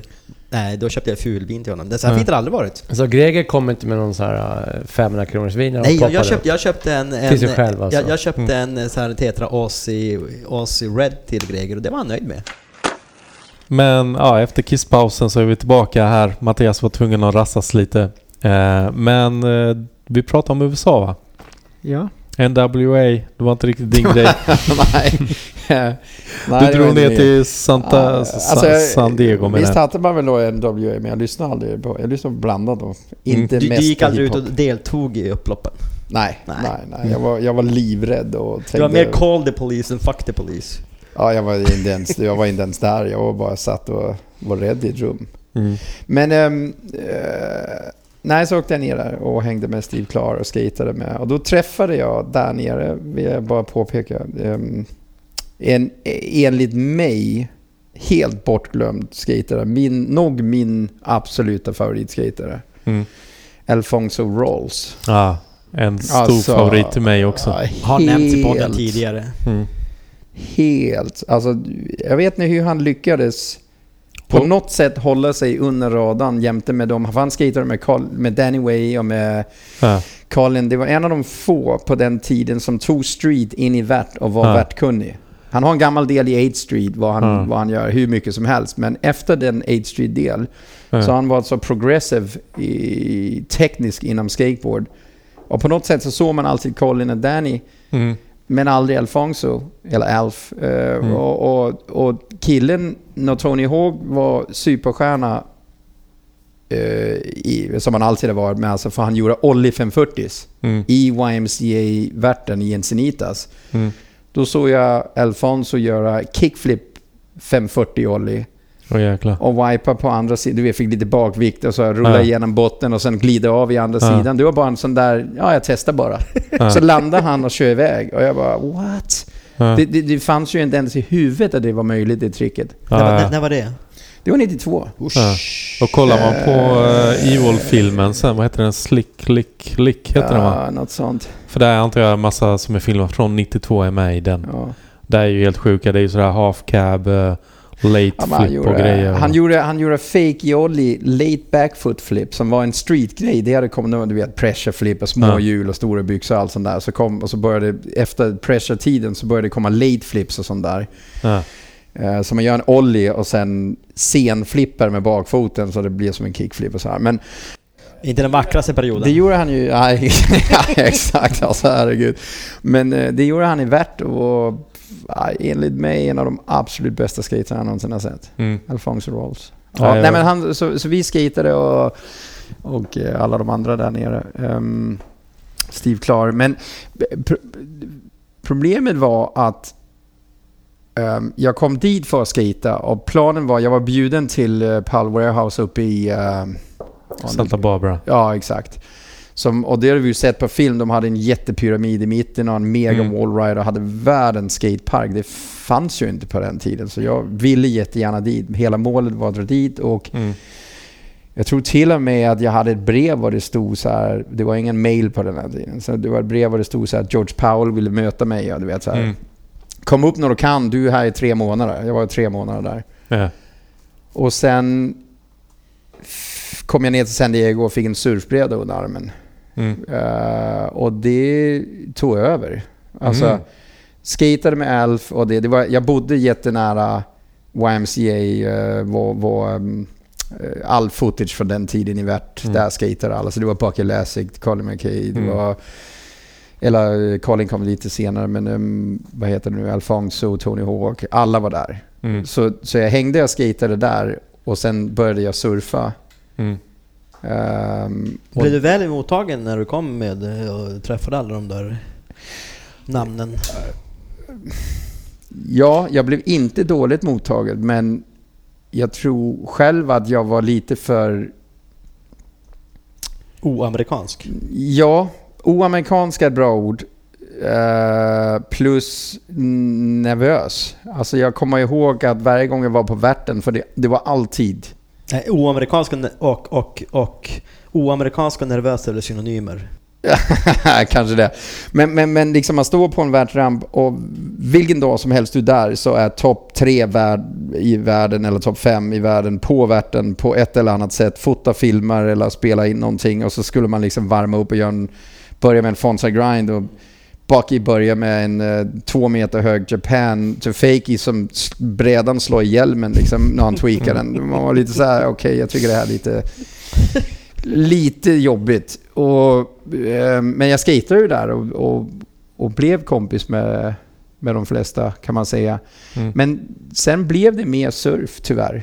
Eller Mm. tyvärr, det, det var väldigt fel att säga. Jag älskade surfa men jag tog inte riktigt vara på chansen jag hade Mm. när jag var där. Eh, eh, pointen är att jag eh, lyckades sumpa att aldrig dra till Palm House. Oj. Ehm, Så du har aldrig träffat George Powell? Eller på den tiden? Eh, man var, nej, inte på den tiden. Så, och hela vad, allt vad det innebar, eh, när det fortfarande var existerande Europateam och allt sånt där, så lyckades jag. Jag mådde så pass bra vid vakna upp och gå ner och kolla är det vågar och sen springa ner med Steve eller, Mm. Och surfa och sen dra ha en session i en eh, lokal pool någonstans eller du vet sådana grejer. Så ehm, det är väl någonting som jag har ångrat Mm. i alla dagar. Att Ja. man inte, liksom vad fan, ta en helg Ja. ta fyra. Det var liksom inte planen att inte göra det, men Ja. det bara gled ut i sandet kan man säga. Men hur var din nivå då på eh, värt, värtåkandet? Var du... Kände du att du var eh, typ topp Europa eller? Ja, det är väl aldrig känt, men... men ehm, Ja, du sätter mig i en svår sits här. Eller om, om, om, om vi tar den här frågan. Nej, nej. 540 kändes ju också som en sån här trick som, ja men gör det här så, så är man lite mer pro. Ja, Kasper ja. var inte så oamerikansk. nej, men- Berätta nu. Nej men det amerikanska vill jag säga. I'm the greatest in the world. Ja. I'm, gonna make, I'm gonna make Denmark great again. Men, men försökte, försökte, var inte 540 ett sånt trick som man Jo, bara... det var ett trick man suktade efter. Men jag, jag kände så här. Jag vill lära mig 540 kände jag. Mm, Det var liksom ett sånt trick. Absolut eh, höjden av trick. Och det var ju så på den tiden att, att um, bailade man i en tävling och pumpade upp och gjorde en 540 så vann man. Alltså du vet, det var liksom tricket. Men jag kände samtidigt att det finns ingen anledning för mig att hålla på och basta runt i en 540 Mm. om jag inte är nöjd med... Eh, när, jag, när, jag, när jag såg min nivå, va, den enda jag någonsin har tittat på i form av... Jag tror aldrig jag har haft någon idol som så. mm, Men jag tittade på vad jag kände, så där vill jag göra. Det var, Mm. det var Danny Way. Och, och nå- nå- det var så specifika lines han gjorde vad man vanlig indie är och frontside tail grab och du vet Mm. sånt där. Vad man la in en heel flip och bam bam bam och lite cab heel flips eller du vet. Mm. Och jag kände väl att om jag inte kan göra det, Mm. om jag inte kan, om jag inte kan alla basic trick plus en kickflip indie, heelflip indie, du vet så i linen. Mm. Varför ska jag då hålla på och göra en 540? Mm. Det var väl, det var väl en, en renodlad känsla jag hade. För jag, jag kände att 540 måste ju vara svårare att bli consistent på. Så, Mm. så att bara göra ett, ett trick som man inte riktigt kan få in i en line, man inte riktigt kan få in... Mm. eh, det är kanske fel tänkt, men jag kände att det tar jag när jag känner att jag kan alla de andra tricken som jag vill. Mm. Och, och där hade jag ett problem har jag insett nu i äldre dagar, att jag var aldrig någonsin nöjd. Mm. Det var aldrig någonsin tillräckligt bra. Mm. Alltså om jag gjorde en heel flip indie så, ah, ja, ja, man kan väl Mm. göra den lite mer med nosebone nästa gång då. Eller, Mm. du vet, det var alltid något steg vidare Men, på... men, men problem, det kan ju vara en fördel också om man ska bli väldigt duktig. Ja, alltså... Jag tänkte också på det, är inte det liksom den här egenskapen att man aldrig är nöjd? Liksom? Jo, det har ju varit en fördel, ser jag ju i efterhand. Det var aldrig roligt för, att- för att det är också kopplat till att inte vara nöjd. Har också en, en, en, kan också ha, ska jag nog säga, en koppling i en osäkerhet. Eh, det, det finns ju två sidor av det myntet. Det ena är att man vill mera, man vill utvecklas och vill mera. Man har en, en, en, en perfektionist, perfektionistisk bild av vad det är man vill göra i tricket. Eller en känsla skulle jag nästan säga det var. Och den andra delen är att, att man håller sig tillbaka för man kanske tänker att Nej, men det, det är jag kanske inte tillräckligt bra på. Eller du vet så. Och jag har väl, jag har väl känt båda beroende av olika situationer. Beroende på om du har åkt med eh, Bakelasek eller om du har varit i frysen. Ja, jag har alltid, jag har alltid, jag, min, jag minns liksom första tour jag skulle iväg på med, med, med Paul, alltså riktiga Paul-teamen. Tony Hawk, Cavallero, Bucky Lasek, du vet så. Mm. Vi, vi, jag möter dem, jag hade varit på skidsemester med familjen och möter dem i Belgien. Mm. Och komma in i en bil med Tony Hawk, eh, Bucky, Cab, eh, Lance Conklin, eh, du vet så. Mm. Och ehm, det, det, det, var, det var inte lätt att skata en demo med Tony Hawk. Mm. Alltså, det var ju som, det var som, att, det var som att spela... Det, det är som att vara... Vad ska man säga? Eh, trubadur. Mm. Och sen spela tillsammans med Beatles. Mm. Alltså det, det, kändes, det kändes liksom... Men å ehm, å andra sidan kan man vända på myntet att du gjorde en demo tillsammans med Tony Hawk. ja, det gjorde Så jag. jag menar, det, det- beror på om man, om, om man ser det liksom, är det regn eller solsken? Du kanske inte var lika bra som Det var Tony Hawk. jävligt mycket, det var, det var jävligt mycket regn, regnbåge kan jag säga. Ja, exakt. Det var väldigt Ja. mycket regnbåge i den här Så- frågan. så- för det var ja. det, det, helt fantastiskt Ja. att ha upplevt det. Helt Ja. fantastiskt att lära Mm. känna dem och sen fatta att de är överhuvudtaget inte annorlunda än oss andra. Nej. Mm. Alltså du vet, de är bara skate. Ja. Mm. Ja, eller du drar skate Ja. eller du vet. Ja. Det var ju ingen... ehm, och sen finns... Tony var duktig på att hantera... Eh, vad ska man säga? Hans... Star. Eh, ja, men han var ju lite så här... Stjärnstatus. president of skateboarding eller vad man ska säga. Han har varit duktig på att hantera det tycker jag, om man sätter sig in i hur andra skulle hantera sånt. Mm. Och, så, så det var ju något annat när man satt för stängda dörrar eller satt i ett hotellrum och pratade med han så var han ju precis som vilken som helst annan skater Mm. med humor och allt, Mm. alltså skitsnack och allt som är. Minns han dig? eh, Jag menar, när, Ja. när ni träffas nu? Ja. Han minns dig från den tiden? Ja. ja. Så du är Tony med Tony? Ja, ja, ja. ja. Ehm, ehm, det, vi, det var vi ja. Jag var hemma hos han ett par gånger och sådär. Så det, ja. Mm. Men det måste kännas, om du tittar tillbaka lite på din kompis Rune, som du växte upp och skejtade med, Fan vad jobbigt det är. och ger dig lite ångest. Hade du kunnat tänka dig själv i Tony Hawk Pro Skater som en, en av karaktärerna? Ja, ja, ja.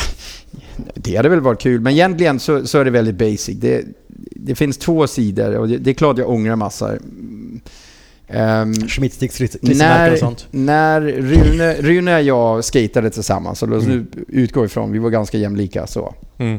Utvecklades likadant och, och du vet så här. Eh, då tog Rune beslutet att flytta till England för de hade en inomhuspark. Mm. eh, tidigt. Mm. Eh, vad kan det vara? Han hade precis kommit på Deathbox. Mm. Eh, 91, Deathbox var 92. engelsk innan Ja. det blev Flip. Nå, Jeremy Fox tror jag han heter som hade Deathbox flyttade till eh, USA och gjorde det till Flip. Ja. Eh, och, och Rune tog det beslutet och jag någonstans stannade i Danmark, Mm. i Köpenhamn. Och då har du en värtramp tre månader om året. Mm. Så det, det var mitt mistake kan man Men, säga. men är ni jämngamla eller? ja. Så att det var ingen sådär att du var för ung för att dra medan han Nej, nej, nej, nej. Och, och, eh, det, var, det var väl lite bekvämlighet och så här, hur ska jag göra om jag kommer dit? Och så här, men jag hade ju, jag menar, jag hade, kunnat, jag hade säkert kunnat, hade jag, eh, ja, Ja. det är en jobbig fråga. Äh, men, men kan, jo, jo, jo, men kan det inte också vara Rune kör för Deathbox medan du kör för Powell? Powell var ju så mycket större än Deathbox. det var det. Att, att du hade inte... Det var en tid jag vann över han också. Ja, precis. Nej, men jag menar, det, det måste vara svårare att kämpa när du redan är på det bästa teamet i skateboard då. Medan han hade ju... Han kunde fortfarande vara hungrig och sukta efter något Nej men så kände jag aldrig. Det var, Ja. alltså, för mig att komma på Bones Brigade-teamet eller Pal Peralta var ökade presset. Jag blev inte mer bekväm av mig. Mm. Det nej, var men, inte mer- nej, men det är kanske det jag menar. Att pressen var en Eh, annan än för Rune. Ja, alltså det, det var inte så att jag, jag känner väl inte att Paul la press på mig. Jag la press på Ja, mig. precis. För att nu var jag helt Ja. plötsligt på team. Alltså jag fick ju inte bygga upp så här att först var man, skater man för butiken och sen skater man för Mm. distributionen och sen skater man för Mm. Eh, det danska, eh, du Ja. vet någonting. Vilket jag misstänker att Rune kanske gjorde mer så, eller? De flesta gör väl så. Jag, jag visste faktiskt Ja. inte om det här om det att du gick från liksom, gatan Ja, det var till typ 0 power. till Det är, 100. det, ja. det är ett oerhört kliv och det är Ja. inte lätt att göra och lätt att hantera. Du har ju inte fått lära någonting egentligen hur man ska hantera Förhandla sponsor. kontrakt. Nej jag skojar. nej men, nej, men jag, jag, jag sitter här och hör vad du säger och jag kan, jag kan förstå problemen som, som Mm. du ställer sig Jag för. fick, eh, jag fick skospons av eh, Mårten Gudsen, Airwalk. Eh, Mm. Det var inte han som hade Danish Skate Import. Nej. Men, eh, men eh, jag fick lite Airwalk ibland Mm. Som jag sen bytte till eh, första pro-skon på skateboard faktiskt. Eh, Etnics eh, Natas-modellen. Och du sa. Etnix. Ja, de hette väl det först va? Ja, precis. Ja, exakt. jag tycker det är coolt att du har koll på det. Ja, jävlar vad coolt. Ja. Så den första pro-skon inom skateboard och skateboard made var väl Etnics eh, Natas Cowboy. Så den körde jag med Mm. ett tag. Och ehm, ja, jag fick lite flow på Galwing från DSI med, med uh, Protec-skydd från en, en, en, en, distributör. Mm. Och sen eh, de här Etnis och sen drog jag med Hasse upp på några tävlingar. Inte den i Humlan men några andra tävlingar upp i Mm. Sverige. Då mötte jag Brian Ridgway Mm. som var team captain för Tracker i USA och Mm. världen. Och då plockade han upp mig, ja, öppnade sin bagagelucka. Jag kommer inte ihåg det, man måste fråga Hasse var vi var där. Eh, och sen bara plockade ut en påse med truckar och sa “You're riding for a tracker now”. Mm. Du vet så. Det var lite den Mm. stilen det var. Du nämner Hasse. Jag vill eh, att vi går in mer på Ja. djupet. Du och Absolut. Hasse. Jag Hur och Hasse. träffades ni första gången? Första gången vet, alltså jag har ingen minne av första mötet, alltså absolut där. Mm. Eh, jag vet bara att Hasse dök upp i den danska skatescenen. Han, ehm, han kom hem från USA tror jag och tänkte jag drar till Danmark, jag gillar Köpenhamn och så dök Mm. han upp där. Och eh, då var han ju där och jag sa hej, alltså man träffades och pratade. Så jag vet Mm. bara att jag tyckte att han var asgrym från början. Mm. Och han tyckte jag var en uh, obnoxious little kid. och jag förstod inte de signalerna så jag fortsatte eh, hänga med han fast Mm. han egentligen bara så här inte vill. Det, det låter som, som mitt och Hasses första möte också. Ja, men det- Förutom att jag, jag, var, jag var inte kanske obnoxious. nej, men, nej Ja. men så här tror jag faktiskt det var. Han, han hängde mycket med Rasmus Skosen. Mm. Vet ni vem det är? Ja, jag vet. Till namnet. Ja, exakt. Som körde för Splitsticks via, Mm. via eh, som blev New Deal. Mm. Okej? Eh, och Rasmus och jag skatade också. Nu, nu frågar alla om Rune för han är så här stor stjärna idag. Men Rasmus Mm. var Rune. Fortsätt. helt fantastisk, fantastisk skateboardåkare som kom till final i både street, miniramp och vert. Om han Mm. tävlade i det. Han Samtidigt. Ja, du vet såhär EM alltså, så var han i final i street och miniramp. Det var en, du vet, där Rune kom på Deathbox, då var det en minirampstävling. Mm. Eh, jag, tror, eh, jag tror jag kom nio och Rasmus åtta eller något sånt där faktiskt, om jag ska vara ärlig. Då körde jag för Paolo då. Men, och så kom han typ i final i street också. Men han, han var sponsor av Smithstick, så, så innan jag kom på Paolo, då fick jag faktiskt hans gamla brädor. Mm. Eh, Mini Steve Douglas eller eh, Steve Mil- eh, Chris Miller menar jag. Mm. Det var så här, den bästa brädan jag kommer ihåg var faktiskt Milla Mini som hade en längre nose och så var det ett Eggman hand som bröt igenom. Mm, kommer ni ja, ihåg den? det. Ja. Eh, de fick jag genom Rasmus, så vi skatade mycket tillsammans. Och Rasmus hängde med Hasse, de hade känt varandra tidigare. Så Mm. det, det var min introduktion skulle jag kunna säga. Mm. Att, att ehm, ja. Och sen Hasse är som Hasse är. Han bara, "Mm, fan han där skater, ju kul, vem är du? Och du vet Mm. så här. Men så, för, så jag, jag, klibb, jag klibbade på Hasses väldigt tidigt. Mm. Väldigt tidig ålder. Mm. Och han har varit en stor instigator till att jag tävlade. Mm. Jag, jag har aldrig tyckt om... Men han sponsrar aldrig dig för han hade distribution i Danmark. Jo, Eller? eh, Butik. Ja, butik. Nej, Red Hot Sports. Nej, distribution. Distribution också. Var alla distribution också? Ja, Mm. Ja, Red Hot. Sports är en distribution. Ja, jag In- tror att det var en butik. Det är inte en butik. Eh, eh, han startade Red Hot Sports med Sten Kelso. Det var ett R som ett kyrhorn och sådär. Mm. Och där nere hade de olika brands. Vad han hade New Deal och de hade ett skomärke. Det kommer jag ihåg vad det heter nu. Men uh, ja, lite sådana Simple där. Shoes. Det var nog Simple, var det inte det? Mm. Jo, tack. Mm. Eh, och jag var väl flowad, eller vad man ska säga. Jag sa alltid att jag körde för Red Hot Sports. Mm. Typ som jag säger, jag kör för Streetlab idag. Jag har fått fem stickers. Mm. det, det, det, här, sticker-spons av Streetlab. Ja. Nej men props till Streetlab. Men Mm. alltså... eh, nej, så, så jag, jag började eh, hänga med Hasse och sen efter ett tag med min ihärdighet så blev vi vänner. Mm. Och då har vi varit um, jävligt många år. Mm. Så här, hängde vi fem dagar i veckan minst skulle jag säga. Mm. Skatade Hasse då? Ja. Freestyle? Ja, ja. Han är coachmässigt, free, nej freestyle, ja han skater lite freestyle men det var mer roligt när han, han kan skata miniramp också. Ja. Mm. lite Fan, vad- 50s det- det och lite sånt där. Ja men det var riktigt great men, men eh, utöver, utöver Hasses personlighet är helt amazing så, ehm, så var han en fantastisk, ehm, ett fantastiskt stöd och Mm. coach skulle man kunna säga. Mm. Inte för han stod och coachade mig som, som hit och dit, alltså det var, men, men mer... ja, han fick mig till att vara mer delaktig i saker och ta mig till ställen och tog mig till Sverige och till Humlan och till liksom så här Mm. när jag var ung. Och, och utan det så vet jag inte om jag hade gjort sånt. Mm. Jag var väldigt, alltså, eh, jag var väldigt så här, även fast jag spontant drog till USA och sa nu drar jag, så var jag väldigt mycket så här, nej men jag gillade att skata med polarna. De Mm. man skatade med, det var, det var min motivation. Mm.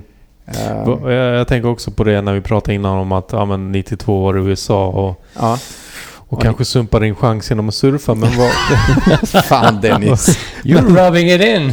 men var det inte så egentligen att det var ju ganska jobbig tid också för att vara värtåkare? Jo, där blev det ju riktigt illa, måste För, jag säga. för vi var inne också på det att Tobias Plast i Storebro var bättre på... Ja, men han, street han, han gick ju med streetvågen och, och, Mm. och, con- och conquered it. Alltså, Spola, han, spola värten. ja, Ja. det var verkligen spolarvärten. Och jag kommer ihåg så tydligt att det var en kille vi kallade för ap, Apan, tror jag. Inte, inte Tony Mag, men Abe eh, Mm. i, i streetytan. Mm. som jag hade känt i många år. Jag kände, och så helt plötsligt så upptäckte jag att olika grupper av de här streetskaterna delas upp och alla hade hemliga spots och de andra fick inte veta vad det var för spots. Och det var liksom... Kommer ni ihåg det? Och, Daggers och- Ja, nej, men det var så här. Jag ska göra min filmtrick här innan någon annan kommer och tar det. Och, du vet, så här. Mm. och sen var det någon dag någon sa till mig Va? Kan du inte göra 3-flip? Eller 360 flip sa man ju då. Och då var jag liksom out in the cold. För att, för att det var ju inte regna cool att köra värt eller så. Då, Mm. då hade jag en liten down-period över skateboard. Att, Mm. att liksom vadå? Vi skater ju om du gillar jag gillar, du vet, vi skater bara det vi gillar. Så Mm. ja, det var lite, det var lite tuffare puckar på Så värten. kan det varit det som gjorde att du och Hasse hittade varandra för att han körde ju på sin freestylebräda och du på värtbrädan? Nej. Det var att jag limmade tillräckligt länge för att han, han insåg att I'm, I'm stuck for life. det hade ingenting med världen freestyle och street att göra. Vi blir väl polare då? Ja, okej. Okej då. Ja, det här låter som Hasse.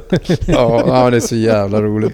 Ja. Nej men sen, sen har han ju, sen har han ju varit, alltså det har varit min, min extra, extra, min mega homie, min extra bror på, alltså Mm. vi, ett ställe jag alltid har kunnat vara och känna mig trygg som ung alltså och, och få tips och hjälp och Mm. det har varit, det har varit fantastiskt. Alltså, Hasse har varit extremt viktig för mig. Mm. Jag måste fråga, jag som är språkintresserad och språklärare. Eh, när du och Hasse träffas, pratar ni danska ibland med varandra? Alltid. Alltid? Bara. Bara danska? Ja. Jaha. Det, det är ganska roligt för det blir lite konstigt på fest. Eller nu, nu, jag går inte på fest längre, men om vi möts någonstans och vi, vi alla Grillningen hos mig gör ju det. Pratar vi danska eller? Ja. Ja, För att ni alltid. är vana att göra det? Ja, men det, det blir så. Ser jag Hasse pratar jag danska, Ja. ser han mig pratar han danska. Ja men, ja, men jag, jag förstår exakt. Eh, Och, och han är jag- snart bättre på danska än mig. Ja. måste jag säga. Efter, efter, efter, efter vad är det? Men, 22 men, men han kunde väl inte prata så bra danska när han kom till Danmark i Ja, början? men Hasse gjorde det helt perfekt för att han, han var tysta lyssnare. Mhm. Han satt inte och trodde han kunde när han hade druckit öl eller något, om han nu Mm. hade gjort det. Men Tänker du på någon speciell person när du säger som trodde när, han drack öl att kunde danska? alla svenskar. Någon specifik? Core? Butikschef? Ja, ja, ja. Micke. ja, ja, just det. Alltid.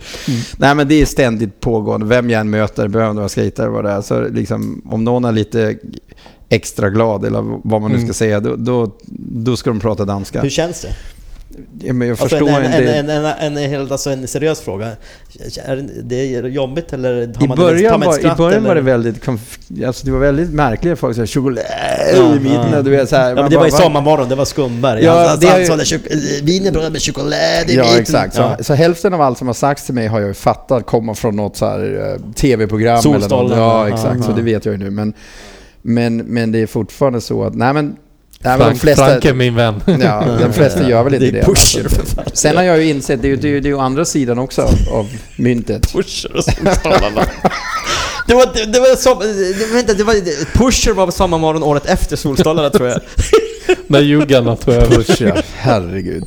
Nej men, Ja. Nej men alltså det, det, det är så, jag har ju insett också att det danska språket och, och det som jag alltid får frågan om är ju siffersystemet. Så, Mm. gud.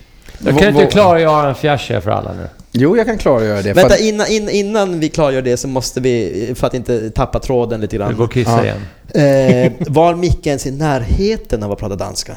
Nej, nej, nej. Nej, det, nej, nej, Det, var, nej. det, var, det var Mm. bara, ja. Jag har inte Tack. träffat någon, Som är så dålig på danska som Micke. det är ytterst sällan en svensk kan dans, danska. Men, men det är inte så konstigt. Det är, jag, har ju fått, jag har fått distans till mitt danska påbrå, eller vad man säger. Och, och i och med att jag har bott här så länge så, så blir det ju, det var det jag började med att säga, att vad jag ville med Sverige Danmark om jag kunde bestämma, det var att danskarna ska lugna ner sig. För att jag har ju blivit så pass, vad ska man säga, svenska lagom. Så, så när, jag, när jag kommer till Danmark så, så kan jag känna så ofta liksom, måste du, måste du bröla på det där viset? Eller måste, kan du inte bara ett, en liten tack ner, liksom, var det Mm. bra? Eller, du vet så här, så och, och, ingen av det jag menar negativt, det är bara mer så här. Mm. Samma som jag tänker liksom att måste man titta i, om man är irriterad över någon framför sig i kön, måste man då i Sverige vända sig om till den bakom sig och himla med ögonen? För man kan inte säga förlåt, men kan du snabba dig lite grann? Men- men- så här, men- det är men- lite olika. Men det låter som den perfekta mixen för dig vore att bo i Skåne. Ja, jag skulle faktiskt eh, inte ha något emot det. Mm. Jag var, exakt. Mm. Men, eh, ja, som, eh, som Peter frågade om eh, siffr, siffersystemet ja. Ja. För det, var, det, var, det var liksom en, det här är också en ganska nylig undersökning att, att danska barn lär sig prata Senare. senare. ja, För, att det, Senare. för att det är svårare, det danska uttalet och Men det är ju är... gutturalt ljud. Ja, det är väldigt Du pratar konstigt. ju i halsen. Ja. Och inte, vi, svenskar är mer så här tungen och- i gommen och framför tänderna. Och så Ja, här. jag pratar rent. Men, det var eh, ju så fint. ja, du, du, du hör ju! Men är vad skulle det heta problemet, på är, danska? är problemet verkligen i, i, vid strupen någonting eller sitter lite högre upp ovanför näsbenet? Jag har ingen aning. Nej. Problemet alltså med den sena... Men, men, men siffersystemet skulle jag säga Peter, det, det, det, det har jag ju det har jag då varit tvungen att ta reda på för jag får frågan av alla nya, eh, nya vänner jag får eller folk jag möter och tar reda på att dansa. Säger, Varför heter det fjäss? Säger de då. Ja. Och det är, alltid, det är alltid 70. Det är aldrig 90, det är aldrig 80, det, det är alltid fjärs. Men vad är fjärs? Om- 70. Varför det? Men det heter inte fjärs, det heter helgfjärs. Ja, såklart. Men, men, men grejen är, det, det, det är idiotiskt. Det det är ett helt galet system. För man börjar med 10, 20, 30, 10, 20, 30, 10, 10, 20, 30 är helt vanligt. Och 40 för. Ja. Det är ju, det är ju simpelt, du vet. Och sen så öppnar- sen så och öppnar Christiania är det någon, Ja, bla. exakt. Det någon som tänker så här, men vänta nu, nu när vi ändå handlar med grisar och kossar här i eh, Tjog, heter det väl? Eller hur? Tjog. Tjog. Ja. Ja. Vi handlar i Tjog här. Du får 20 mina grisar och tar du, du vet så här. Eh, Du får ett tjog av det här. Då har man liksom helt enkelt gått över till det från 40, inte från början. Och så säger man så 40, eller 50 förlåt, heter Hell 3 Halv 3 snes, alltså snes på dans, snis på danska är, är tjog. Så, Logiskt. så om du tar det halva av det tredje tjoket. Ja, just det. Nej, men alltså- ja, alltså, så nej, 20, 20 plus 10. Det är vad du säger egentligen. Nej, det är halva av det tredje. Ja, exakt. Ja, 20 är ett tjog. Ja, 20, 20 plus 10 Andra blir tjog, 50. tredje ja, tjoget, ja. halva av tredje tjoget. Men det man tänker när man fattar det första gången så tänker man, men halva, det halva av tre tjog är väl 30? Det är väl inte 50? Nej, nej, nej. Det är det halva av det tredje tjoget. Och vad heter det på danska? Och då, då heter det heter 60 ju. Då skulle 60 ju vara tre tjog. Som det är, tres. Man säger bara inte eh, eh, alltså, sne, eh, snes, man, som det heter på danska. Så, men, så men det, det finns, typ, det var, du- finns var du typ 23 när du lärde dig räkna eller? Alltså, det är ju... Nej, nej, jag, jag- lärde mig det här systemet för typ fyra fem år sedan och jag var trött på alla frågade. Men jag har ju kunnat säga allting. Jag vet ju att helfjärs, det är hel 4S. Helfjärs. Förlåt att jag skrattar. Förstår du? Det- det nej, jag förstår inte. Nej. Nej, men nu tycker jag intervjun går över i, eh, Ja, i, nu har vi, nu har vi eh, i tappat danska här. lyssnarna Men, här Ja, snart. men, det är ja, det exakt. men, men det, det är fullständigt vansinnigt system Ja, och jag herregud. förstår att, att ingen förstår det. Nu skiter, vi, nu skiter vi det, Och Fast, ja. vänta nu, du sa fortfarande att en fjärs är 70, 7-0. Ja. Halvfjärs. Helv. 4S. Halvfjärs. Halva av fyra tjog. Halva av fjärde tjoget. Halvfjärs. Nu, nu får vi minus snart lyssnare. Nu- Mm. Ja, vi klipper det här. det var fullständigt Nej, det är meningslöst. så här, jag är fortfarande helt förvirrad. Ja, jag, jag, jag körde på repeat istället fyra gånger. Bara sämsta intervjun ever. Men Hasse Lindgren, Ja. han, eh, han lockade dig till Sverige eller var det din idé att åka upp Nej, till det Sverige? var inte min idé.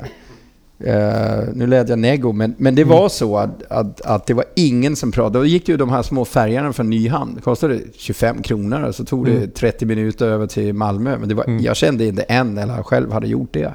Det fanns ingen bra skatescen i Malmö då va? Ja, men fast det, det handlade inte om det. Det Nej. fanns ingen anledning. Det, det var en, en, bara en...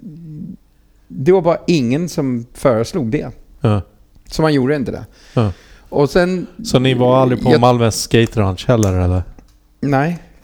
Jag var inte många. Jag har aldrig tänkt på någon. Jag, jag, jag kan väl känna idag att det är lite fortfarande samma sak. Om danskarna kommer över till Vert Attack Mm. så är de med och tävlar och så snart tävlingen är slut så packar de och drar hem. De är Mm. inte med på, Mm. du vet, hänga ut på hotellet eller Ja. prata med folk engagera sig och det bara puff hem. Så det är lite... Mm. Ja. Lite Och, och så pass nära ändå. Nu är det ju ännu så pass närmare. lätt. Ja, nu är det tåget bara ping. Mm. Men, men eh, jag har aldrig dragit... Jag har egentligen, jo med familjen en gång, men det är något annat. Men jag har aldrig dragit till Sverige och jag vet att Hasse tog mig till Stockholm. Han tog mig till eh, Malmö och köpte... När Teddy Bears hade eh, släppt sin nya skiva, vad hette den? Den var gul. Kommer Mm. du ihåg det? Teddy Bears släppte en skiva och så Mm. skulle Hasse... vad gul. Du får googla Jag Adam. för mig det. Vi har inte berättat att Ja, Adam sitter ja. här utan mikrofon. Nej, nej, inte med. Adam Alsing alltså. Nej, Han kör, han kör. Kan det, kan det heta, säkert heter det The Yellow Album. Nej, men jag kommer inte ihåg. Eller så var det en Teddy Bear på. vad vet jag. Nej, not Teddy Bears album. Det kan inte vara deras första, för han sa att de hade släppt ett nytt. Ja, jag vet inte. Teddy Bear ska gigga på Gröna snart. Mm. Härligt. Mm. Ja, men hur som helst så, så Hasse introducerade mig till... eh, Till Sverige. Ja. Men inte genom Malmö. Men vi var där, jag kommer inte ihåg om det var före Stockholm eller efter, men Mm. vi var där en gång och ehm, det var trevligt. Lilla torget, köpa några CD-skivor eller vad det var vi var. Men, Ja just det, du berättade att du var, ni skulle dra och Ja. kolla på Teddy Bears. ehm, eh, skivan, Mm. inte konserten. Jaha, ni skulle bara åka över för att köpa skivan. Ehm, Har vi svaret Mattias? Ja, Ja, det är en EP från 94 som heter Step On It. just det. Med Det liten, en igen. liten eh, rödhårig flicksnärta med eh, flätor. We Det are, kan the, we, det blå, we, are, we are the best Bear jag, Stockholm jag kan minnas fel och säga fel, men Hasse, Hasse kan reda aldrig ut. You Mm. Are Teddy Bears är den här med pentagrammet 93. Mm. Den hardcore-skivan som släpptes. Mm. Sen så blev det ju mer och mer... Mer Ja. och mer dans. Ja, men det är inte Ja. Teddy Bears podcast. Nej, herregud vad, vi, vad, vi, vad vi snör, snör iväg. Ja. Mer än vanligt. Men, men eh, som Malmö, men sen Stockholm blir ju din, din ort för resten av ditt liv höll jag på att säga. Ja, det är så. Eh, Alltså, det var väldigt simpelt. Jag var ju här med Hasse på Mm. Humlan-tävlingen. Mm. Vann den och så... ehm, 5 000 kronor var mycket. Jag har, jag har ingen pengar alla jobb då. Man kunde sälja lite stickers och klara Mm. sig för dagen. Mm. Så att jag gjorde vad vilken annan vettig människa skulle ha gjort med 5 000 kronor. Jag bjöd alla som var på tävlingen till Gröna Lund. Ehm, och, och dagen efter när jag hade 300 kronor kvar eller något så här så ångrade jag lite grann. Men, Mm. men det, Där det var du 50 kronor kvar för du köpte kepsen också väl? Ja, det någonting sånt där. Nej, men så, så det, det kommer jag ihåg. Jag bjöd alla till Gröna Lund. Ja.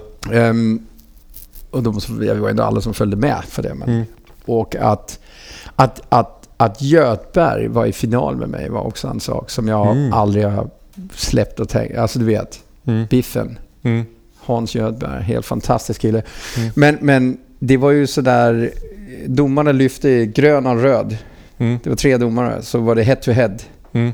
Så två skatade, eh, okej den där körde bästa walket Mm. vidare. Så den som förlorade kom i losers bracket. Mm. Och Göteborg hade förlorat en gång tidigare, så gick vi upp i, men möttes i finalen. Mm.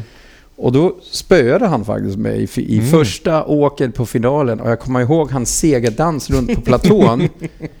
för att han förstod inte att jag hade två chanser och han hade en. Mm.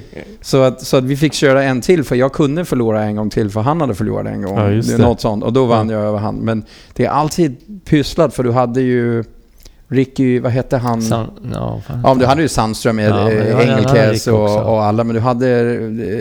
Jag lärde aldrig riktigt känna han med hästsvansen. Var, Ja, Punky. Pucky? nej, nej, nej, nej. Ja, exakt. Ricky, Ricky, Ricky Sandström. Alltså Ricky Törnqvist. Törn- Törnqvist, eh, Törnqvist. Jag tror han var där. San, Sandström säger jag. Ja, Törnqvist. exakt. Ricky Törnqvist. Det, det var det fanns ruskigt många duktiga skatare på den tävlingen. Mm, Sen var det ju Törnqvist. Humlan. Den, liksom, den var Mm. liten och man kunde göra så mycket med den. Men Mm. Det var väl han Ja, som det- gjorde, den där Ricky pratade om, var inte han som gjorde en, en, en 360 ollie landade fakey? Och, nej, det var, det var, Rodrigo, eh, det var eh, Stefan Tåt. Ja, det kanske det var. Ihåg. Han gjorde, han gjorde de mest fantastiska Det var snyggt. 360 ollie one Ja. foots to fakey på Precis. extension. Ja. Och han gjorde det så att han hade sin framfot längst ut i nosen. Och så gjorde han som en pressure flip. Han släppte av framfoten så bredden bara klick. Du vet så här, som, lite som pressure, man gjorde pressure. Mm. Och så bara knallade han runt 360 to fakey helt cleant. Wow. Ja, det var faktiskt mega props för det tricket. Men eh, det var då. Men eh, många bra skatare och Götberg, en renodlad värt stjärt. Kom i final. Eh, och, All, används och- head to head fortfarande i tävlingar?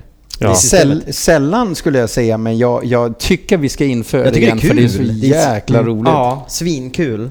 Head, head to head borde vara liksom... Det kommer vara head to head i nästa VM i freestyle i Japan. I Japan? Mm. Ja, fan jag vill åka För det är lite, det är lite det mer... blir så alltså? Fan jag vill åka dit. Jag vet, Jag en, gillar kille- Jag vet en kille som kommer åka dit. Vem? Ni får gissa. Lillis. Ja Exakt. det är klart, Lillis Ja, ja, Ja, vad, det Peter, vi sitter här med två freestyle, du säger jag vet en som... och de bara, vem? ja det är klart, det är klart. Men, men Lillis var ju typ i Japan för förra veckan, han är jämt där. Vad Mm. fan. Ja, det, det, det, är det, är- jag menar, jag tänkte förutom Lillis, vem, Mm. kommer Hasse åka dit? Shit, då ska jag med. Ja, Ja, nej men. Lillis, det är klart Lillis åker dit. Mm. Testade du Hasses freestylebräda någon gång? Ja, jag, eh, en av mina en av mina svaga eller starka moment var ju att jag ville inte, jag ville inte tävla som jag pratade tidigare. Hasse kunde liksom säga kom igen nu, det är bara kör. Du vet, så här. Eh, och då, jag hade slagit mig. Men det blir lite konstigt att använda en, en, en, ett svullet knä på att man inte kan tävla och sen Mm. ändå tävla fast på Hasses freestylebräda. Mm. Och det gjorde jag i värt. Va- Vadå? Vad, säger han nu? jag, bytte, jag bytte ut min värtbräda, alltså ja. Palbrelder-bräda, Ja. mot Hasses uh, Freestylebräda? freestylebräda. Och körde värt. Och så körde jag värt på den. Jag, det? jag har faktiskt, det är faktiskt en av de få grejerna jag har, det är ett filmklipp av den line jag gjorde på den freestylebrädan. Varför? I värt. Du Varför- kan inte varför- köra För då, jag, jag, jag vet inte, men min gissning skulle vara att då är allting lite spexigt och då behöver jag inte ta det på så allvar. Ah. Är du med? Alltså Ja. då, nu spexar jag. Nu, Men ju- åh, nu är det tävling, vad jobbigt det blev, vad seriöst. Så nej, men jag tar freestylebrädan och då... äh, Och folk, ah, ha, ha, ha, ha. Men, Nej, faktiskt inte för att jag, jag kunde... Det gick ju nästan bättre på den. så att jag,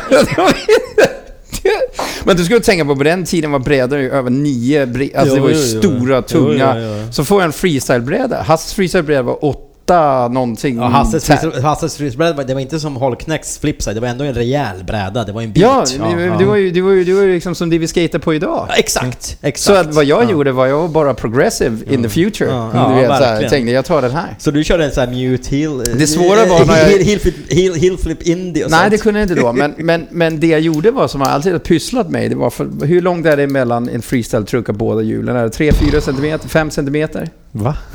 En freestyle-truck? Menar du wheelbasen eller? Nej, Nej, alltså, alltså nej, mellan- bredden på trucksen. Jaha, du menar bredden. Eh, Ja. 109 kör man på Indy. Jo, jo, Sen men alltså, och sen med hjulen på så här. Men det var Ja. jag gjorde tail grab nose grinds på den där. Och då Ah. landar man ju ändå lite snett, så det blev ju lite, det var ingen marginal helt Nej. plötsligt. Var en vanlig bräda har ju hur mycket truck som helst du kan landa på. ja, precis. 101 är det väl? 100 109? Ja, jag vet. 109. Jag blir lite nyfiken på, vilken bräda sa du att Thomas Holkner körde på? Per Holknekt. Flipside. Har han skateboard? Vad dåligt. Ja, så Nu får, jag, nu får jag klippa här. Vad garvar det då? Det är alltid kul. Ja. Det är kul att skratta. De här gubb, gubbgrejerna. Ja. Ja, Eh, nej, så, så var det.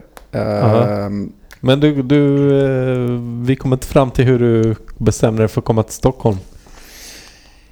S- eh, simpelt. Hasse eh, flyttade tillbaka till Stockholm efter fem sex år i, i kanske sju. Jag vet Mm. inte helt. Höll du kontakt med Hasse och ringde Ja, honom ja, varje ja, dag? ja, ja. Men så var jag också och hälsade på.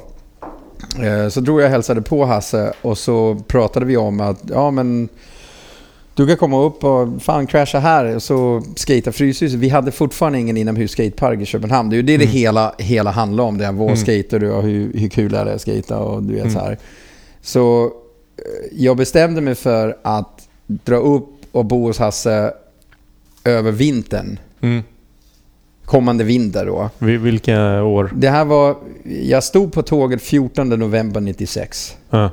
och körde in tidig morgon, och Gamla stan, snötäckta tak och sådär. Jag tänkte, hopp, nu är jag här.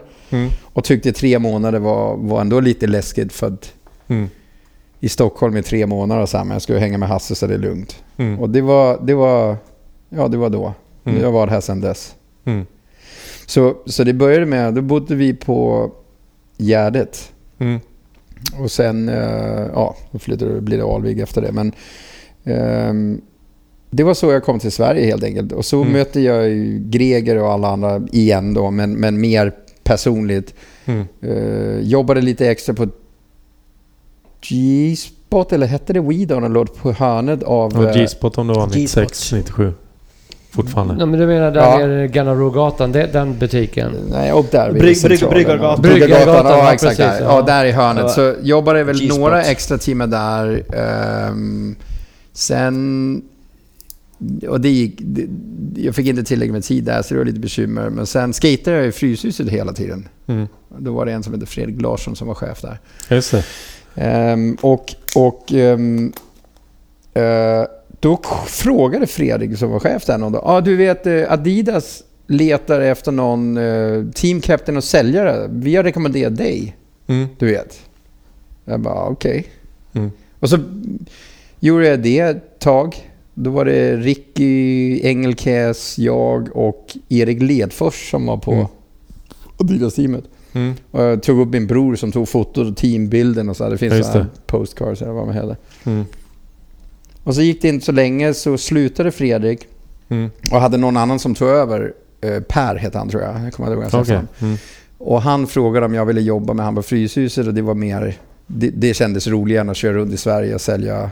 Adidas. Ja. Ja, skate, skate, när de satsade på skate var det. Det var inte Adidas, vanliga Adidas-kollektioner. Det var när de gjorde sina första skate-modeller som var... Och de var inte helt cleana heller. De var riktigt fula. Mm. Ja. Men, men, det, tyvärr, men, men det var ju... eh, Hur sålde du in dem då? Ja, men de här är lite nej, fula. nej, men det grym- var faktiskt så. De, hade ju, de var ju väldigt bra uppbyggda. De vet Mm. ju vad de gör med skor. Mm. Eh, Makon Salens skon var den som var Mm. ugly. Eh, Men det, det jag gjorde var jag sa att gör så, beställ några stycken och om det funkar kan du alltid ringa mig så skickar jag flera. Alltså Mm. testa och se för det är lite så här smaksak. Mm. Men det gick okej och sen började jag jobba på Fryshuset ehm, extra. Och så slutade han här Per efter tre månader och sa Mm. ja vill du ta över? Mm. Jag kommer ihåg det ville inte jag egentligen göra. Vem frågade dig? Han, han som var min chef då, jag kommer inte ihåg vad han hette i efterhand. Eh, och, och så tänkte jag, det vill jag inte men jag vill inte heller ha någon douchig chef. Så Mm. okej, och så fick jag ett papper med tio handskrivna telefonnummer. Mm. Fredells, Sita Containers, eh, lite olika sådana grejer och Anders Karlberg som hade startat Fryshuset. Och sen tack och hej och sen har jag väl drivit det sen dess Mm. kan man säga. När, när, när du kom till Sverige så... Mm.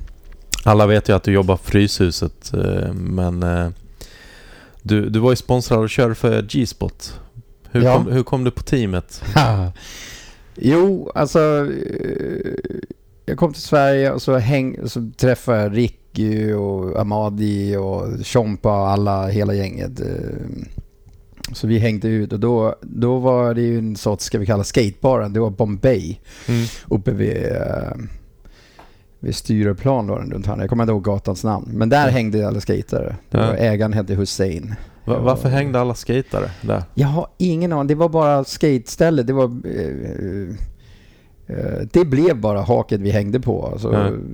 du vet, fredagsfest och man spelade lite blackjack och hängde ute. Alla möttes där, även, Ja. i, även i vardagar. Det var så, Så- så att- skittrevligt. Så att, och på den tiden hade man inte kanske mobilen så att man visste ju... Nej, Ja, exakt. ja. Det var så här, vissa Filthy Few hade ju en pager. Ja, så här, man skrev, du vet, ringde till någon som sa pip pip och så, Ja. okej, någon söker dig. En sök, vad heter det, sök, pager, sökare. Ja, minicall. Ja, en men, ja, sökare, vad det heter. personsökare. Så, så man, eh, när man inte visste var någon var så drog man till Bombay och så var det alltid folk där. Mm. Mm. Vardagar som kvällar och så. här. Så det var supertrevligt. Men Ja. För, för det var Bombay på kvällarna men på dagarna så var det oftast att man drog till G-spot-butiken på jag Bryggaregatan. hängde i G-spot-butikerna och så. Eh, och jag hade jobbat lite extra i butiken. Inte mycket, inte så mycket som jag hade hoppats på. Det var Jonas Ass, han var butikschef på Ja, den just tiden. Ja. Ehm, jag tror... Men kom sponsen före att du började jobba i butiken? Nej, den kom efter. Det var faktiskt på Bombay att jag stod där uppe och alla var glada och sådär. Och så kom Greg upp till mig. Hörru, hörru. Och så sa han liksom. Du kör för G-spot nu. Jag bara okej.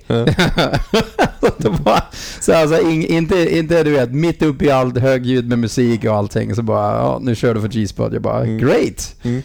Och det var ganska tidigt. Jag, jag kanske hade varit här max ett halvår. Jag Mm. kommer inte ihåg nu. Eh, så började jag köra för G-spot som sen blev Wii, som Mm. sedan blev Wii SC. Mm. Eh, och jag var med, jag var med G-spot Wii Wii SC, eller vad man säger, Wii SC-familjen i eh, i alla fall tio år. Mm. Vilket var, ja det var helt otroligt bra. Det var, jag har alltid sett på det teamet också som vi hade alla olika egenskaper. Mm. Du vet, eh, Ricky körde, du vet, vi körde alla så vi kompletterade varandra på ett perfekt sätt. Så det var skitroligt. Skalman och alla var, Skalman blev team captain, då blev det lite härjigt och Mm. crazy. Men Och Du var ju med i en legendarisk film också, G-spot Forever.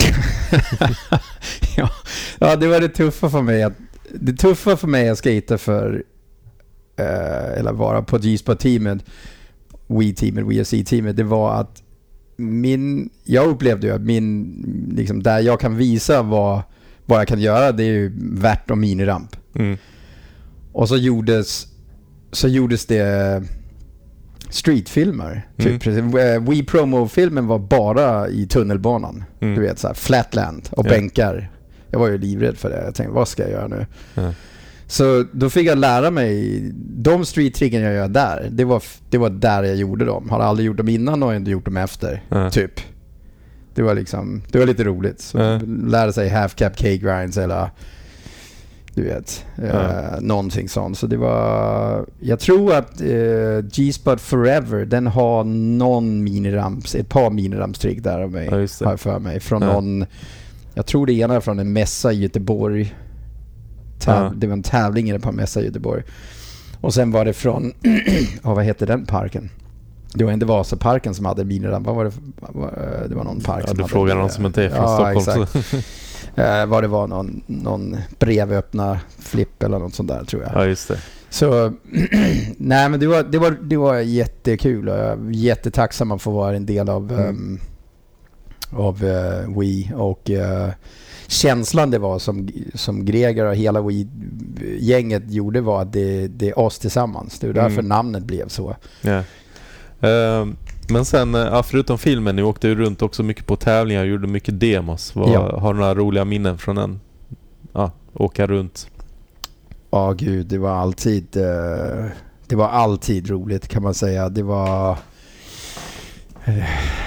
Ja, det var rätt röjigt och det var så här, för mig var det ett val om vem, vem delar jag hotellrum med och få lättast en nattsömn eller du vet. så här, Det var, Och då Mm. fick man välja eller? Nej, men det blev liksom... Man kanske bytte med varandra? Man kanske eller? inte ska, ska säga för mycket men alltså det var, det var, det var rätt röjigt och ehm, jag hookade alltid med, med jag, David Engsell och så, alltså, Mm. små kidsen för inne på Martin och Chompa och vet, Mm. alla de andras rum så, var, så kunde det vara lite, lite För då kunde du välja att gå dit och ja, Ja, så på. kunde man ta en del av det och bara säga nej nu är jag trött, nu går jag och lägger Ja, mig. Nu, precis. inte, Ja, inte, smart. lite, lite gubbigt, men Ja. eh, så var det. Nej men det var jätteroligt alla tävlingar DMS, som vi fick resa runt i Sverige och se. Så som från Danmark så kunde jag inte något om det. Vi var väl i nästan varenda stad och Mm. Det var rätt stort ett tag. Det var så crazy. Vi var uppe i... Um, we hade ju också snowboard så de släppte, Mm. vad heter de, Ride tror jag ett märke de fick. Ja, just det. Ja. Så var vi uppe i, uh, i Åre och då var det liksom en värtramp ute i snön och Ja. Danny Way och Colin McKay skatade demo liksom. Ja. Greger var fantastisk på de där grejerna. Han gjorde Ja. också den där megatävlingen i forum med snowboard och skateboard och världsproffs. Det är typ forum. Nej förlåt, Eh, eh, Globen. Globen. Aha, nu sa jag danska Globen. Ja, for, Ja. eh, Globen. Eh, vilket när man tittar tillbaka nu så är det så här, ja men det var ju, Mm. nej men det var typ som en sorts eh, X-Games, early X-Games. Han var Ja, före precis. sin tid med de grejerna. Ja. Eh, helt, helt galet bra. Det var jätteroligt. Ja. Men jag har också för mig att du skadade dig ganska mm, samtidigt som du kom upp till Sverige. Där i minirampen. Ja, ehm, det var faktiskt i Fryshuset. Ehm, min bror hade precis kommit, storebror hade precis kommit och hälsade på. Så skulle vi bara skata lite i minirampen. Ja. Och då gjorde jag en fakey frontside grind. Ja. Alltså grinda fakey på frontside grind.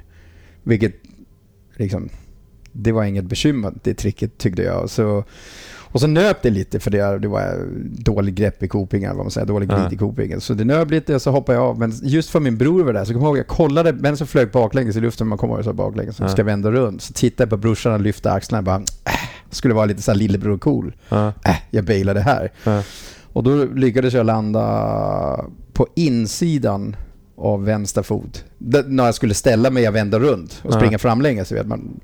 Det är kanske lite svårt att förklara. Men i alla fall landa fel på foten så den bryter runt och sitta baklänges. Aj. Det är intressant. Det är intressant vad som hände i en skallen när man tittar ner och, och fattar att foten sitter baklänges. För det Ja. första jag tänkte det var, ha skon har ramlat av. Ja. Och ligga där. Men varför ligger den på min fot typ? Eller du vet något sånt där tänkte jag. Ja, Och så tog jag i skon och, och inser min fot är i den. För jag, när jag lyfte på foten, men man rör på sig, man ska Ja. resa sig, så lyfter skon sig fast den satt åt fel håll. ja, Det var jättekonstigt. ja. och så går man i panik och så här, försökte jag sätta foten på plats och så här, det gick ju inte. Alltså Ja. vrida runt den och lite sånt där. Så fick jag bara inse att det var kört och vänta på ambulanspersonalen som, jag kommer ihåg det tog dem så jäkla lång tid. Mm. Och när de kom fram så sa de, ja vi trodde det var brutet handled eller något sånt där. Där har jag legat och svettats i f- 30-40 minuter. Ja. För först får man ju den här endorfin eller Ja, först så känner man ju inte speciellt mycket. Så Ja. var, Men sen? men det var, så Ja. blev det, var det åtta skruvar och pff, lite annat. Så tog de ut en skruv efter Ja. ett tag. Den har en liten, en liten plastburk. ja. Jag har, jag har ett setup till en skatebräda. Det är så jag tänker. Ja. Jag har en skruv i, i en liten burk och så har jag sju stycken i foten. Ja. Så jag, om jag någonsin behöver setup till skaten så kan jag ta dem. Ja. Men eh, då, det måste varit segt och, och då misstänker jag också att du hade inte bestämt dig för att stanna kvar kanske så länge som du nu stannar i Sverige. Nej, alltså, att tanken att nu bor jag här. Ja. Det tog nog ett par år, alltså två, Ja. tre år innan jag tänkte, jaha, jag bor i Stockholm typ tills vidare. Ja, nej, för jag tänker skadan. Eh, Både- Ja, exakt. Nej, men det, det, det förstod jag. Och, och det, så när jag bröt foten så var det ju liksom bara, jag, jag kom på G-spot-teamet och tror jag där och, och Mm. liksom eh, vi hade jättekul. Eh, så jag hade ingen planer om att dra hem, men det var hela tiden hem då. Då Ja. var, var Danmark fortfarande hem och då så eh, jag hade ingen liksom det var inte nästa vecka jag skulle ta tåget tillbaka. Det var, just nu Mm. var det jättekul men det var inte heller något så här nu flyttar jag hit. Så Mm. så i och med jag bröt foten så blev det ju bara att jag blev opererad, gipsad och så då bodde jag med Hasse. Mm. Och så... Eh, Hasse tog hand om dig, gav dig Ja. glas vatten när du behövde och sånt eller? alltså kryckade mig in, så kom jag på krycka in till Bombay istället. Så Ja, det var liksom den, den stilen. Ja. Så eh, nej men det var, det tog ju ett tag att komma Mm. över. Och sen när, när det var klart så var det lite, Mm. tog det ett par veckor mentalt också att komma över det. Mm. Våga tweaka eller du vet så här. Mm. Jaha, så Det var inte sådär sex månader? Jo, jo, jo, jo. Eller? Jo, jo, jo. Alltså det tog ju sex, i alla fall, jag kommer inte ihåg, men i alla fall sex månader innan jag kunde. Liksom, Ja. Det var ju nära, jag tror det var nära, det var mer än ett halvår innan jag kunde stå på bräda och närmare Ja. ett år innan jag kunde Ja. stå på bräda. Fan, jag Ja. hade nog åkt hem till Danmark. Om jag, eller nu har Ja, inte jag fast rätt. det var, vi spelade dart, jag och Hasse och Ja, hängde på Bombay. Det var liksom helt okej. ja, Körde Men- för G-spot. ja. Men vad var det, vad var det G-spot då, det här gänget, liksom teamet som gjorde att du bestämde, eller bestämde men att det blev att du stannade? det, det, var, det var så... Jag tyckte det var så bra stämning och det hände så mycket här. Mm. Och igen, vi hade... I Köpenhamn fanns det fortfarande ingen inomhus skatepark. Så det var liksom, det fanns ingen idé att... Alltså Mm. man saknade vänner och familj och sådär. Så jag drog ju hem ibland. Men, men det var ingen idé, om jag ville skata vintertid så var det ju antingen Mm. Stockholm eller någon annanstans där det fanns en inomhushall. Ja, så att, att, att dra tillbaka till Danmark var ju mer... Då, då kunde jag skata på vintern. Ja. Nej, för det var, det var rätt sent som den kom igång. Ja, Royal. det var rätt sent. Ja. Eh, så de första par åren i Sverige, då fanns det ju inte den... Alltså, och då var det ju mycket bättre och roligare att vara här. Jag hade blivit... eh, jag lärde alla känna och sådär. Det var jättekul på G-spot och du vet, eh, det fanns liksom ingen anledning för mig Ja. att, att dra tillbaka annat än att hälsa på familj då och då. Ja. Hur var det att se den här, eh, vad ska man säga, att, mm, ja, att det gick från G-spot till Wii också. Hela den här resan måste ju varit otroligt roligt att få vara med. Ja, det är ju fantastiskt att Greger Pontus som startar en skatebutik och så blir så stort klädföretag i slutändan. Ehm, eh, det var jättespännande att få vara med och se den resan. Ja. Vara med. Men det var ju också eh, det är ju inte alltså, trial and error som man säger. Liksom, Var de fick det rätt på slutet och sen blev det ändå, eh, ja, det Ja. blev ändå fel på slutet. Nu var de, var de ingen är WEC är ju inte samma sak idag. Så, så nej men det var jättekul och jättespännande. Ja. Så du, du var med där på ja, lite roliga galna resor Ja. till LA och sånt där? Just Wii. det, ja exakt. De öppnade ju, We- de började öppna butiker runt om i, i världen och då, det var en av de fantastiska grejerna med, med att vara på Wii. Att um, det, allting gjordes annorlunda. Mm. Så det skulle öppnas en butik i, i LA. Då flögs hela teamet ner till LA alltså bara för den öppningen. Mm. Och sådana saker. Så vi, vi var med om det och då såg vi till att stanna kvar och skata olika bra spots. Och, Mm. och det, det är visst något giftorm... Eh, nej, Transition eller giftorm eh, om det. Mm. Nej, giftormfilmen, förlåt. Mm. Inte tidning, giftormfilmen har, Just har det det. med. Ja. Ehm, sen var det också en, jag kommer inte ihåg vad det var, men vi skulle till Barcelona allihopa. Mm. Och då gjorde, det här tycker jag är helt fantastiskt, då gjorde Greger en, ett modeshow på planet. Mm, just det. Det kommer jag ihåg. Det har jag aldrig hört talas om förr. Det var helt briljant. Liksom. Så alla beslut som togs var så här superbriljanta tyckte jag. Man, så, så vi flyger till Barcelona med massa teamriders och andra eh, butiker och distributörer och sånt där sitta i planet. Ja. Och det enda vi fick veta var att ingen fick ha handväska med. Ah. För att, för att alla uh, facken det. där i planet just hade högtalare och ljus. Ah. Så det släcktes ner i planet och så började modeller gå igenom de här gångarna. Du, du, du. Det var jäkligt häftigt. Och sen ner till ett modeshow i Barcelona var det. Eh, och kul där. Och så hem igen. Kommer ihåg Ricky, han blev rånad. Och satt fast för hans pass var borta eller något sånt. Oj, Så han, ja, han Pass? blev- Behöver väl inget pass mellan Sverige och... Jag kommer inte ihåg, men han blev lägg. rånad eller Ja. biletten eller belägget eller jag, Ja. jag vet inte. Ja. Men det hände alltid någonting. Var, så så att, att vara en del av det och få Mm. vara med på sådana grejer var ju, det var Mm. supergrymt alltså. All Ja. cred till Greger för sättet han gjorde det. Alltså, Ja. köpte en gammal limo och eh, vad heter det när man sätter klistermärken på Ja, hela bilen. Alltså, sticker upp den, jag sti- eller? Ja, med typ någorlunda det fulaste mönstret jag någonsin har sett. Brunt med så här eh, hästjockeys och Ja. glass och allt möjligt mönster på. Så här. Men alla såg i bilen och vem som helst kunde säga i teamet bara, ja men låna bilen, ta den. Så ser ut reklam i stan. Ja. Vad Körde roligt. runt i limo, det var, det var Ja. jätteroligt. Vann inte du en bil också på någon tävling? Jo. Eh, det, var, det är faktiskt det bästa priset jag vunnit. Nej, det var eh, Björns trädgård så var det en Ja. Red Bull-tävling under tält. ja, Tony Alva kom. Tony för då Alva- Lords of Dogtown skulle släppas. Exakt. Ja. Så Tony Alva hade gått med till att vara domare på Mm. den pooltävling. Mm. Ja. Och då var det en Merca från var det, oh, 79 eller något sånt ja, där. En gammal känns sådär Merca. öststat nästan. Ja, den var, den var superfin. Som Ja. var första priset. Och så vann jag den och så kommer jag ihåg att jag... Eh, så föreslog jag för Red Bull, ska vi inte göra en dokumentär om det här? Vi tar de som var i final, knallar in i bilen och så kör vi en tur runt i Sverige. Bara filma och skater. Och så gjorde vi det. Mm. Det var jätteroligt. Men det var det bilen höll till tyvärr. Ja.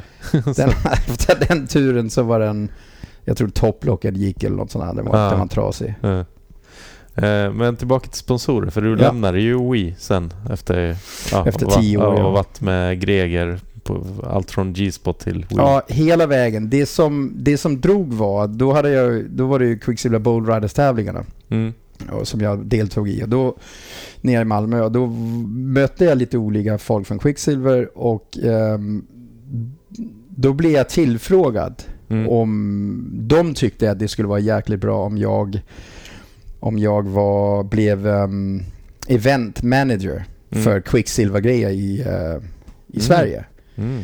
Eh, och det var ju distributionen som hade Quicksilver, alltså han som ägde det, vad hette det nu igen? Uh, det kommer jag inte Mm. ihåg. Ja, Jag vet vad du menar men... Ja, eh, de Sport gjorde- någonting. Ja, Export Market. ja, just det. Sport Market, ja exakt. Bra. Eh, de, han hade ju massa skidmärken och det sig Quicksilver och Roxy och sådär. Mm. Och han la inte så mycket energi på events och grejer så vi, vi försökte liksom få det att, Mm. att det kunde bli jag och sen kunde det vara lite mer styrt från Europa och man kunde göra lite Mm. mer events och tävlingar. Det lät super, super spännande tyckte jag.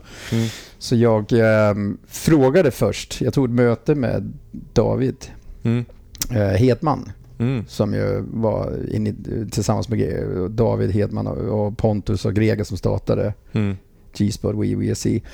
Och så sa jag, har ni... Det här har hänt. Mm. Eh, jag blev erbjudet att att skata för... Det var också det, jag blev också erbjuden att komma på teamet på Quicksilver. Mm. Och det hade jag sagt nej till i ett par år faktiskt. För jag sa, Mm. varför, ska, jag- varför ska jag göra det? Jag är mega glad med Wii. Det, Mm. liksom, jag får aldrig behöva det i min familj. Jag, nej, tack. Mm. Men sen kom det jobbmöjligheter in i det. Mm. Och ett jätte, jättestort resebudget. Mm. Så jag fick liksom, och då tog jag det till, eh, till Wii och, och sa det här har hänt och, men jag stannar om ni kan erbjuda mig någon typ av Mm. jobb inom det jag älskar och du vet så. Mm. Och då sa David att just nu för tillfället hade de inte den möjligheten och han tyckte jag skulle ta det andra. Mm. Och då, då har man ju inte bränt några broar, då blir det liksom Ja, ett, ett schysst sätt att göra det på. Så då hoppade jag på Quicksilver, började skata för dem. Eh, tyvärr, jobbet blev aldrig av eh, för att marknaden ändrade sig och det hände massa grejer och ehm, Ja. ja, det, så var det bara. Men då körde jag för Quicksilver i eh, ett par år. Ja.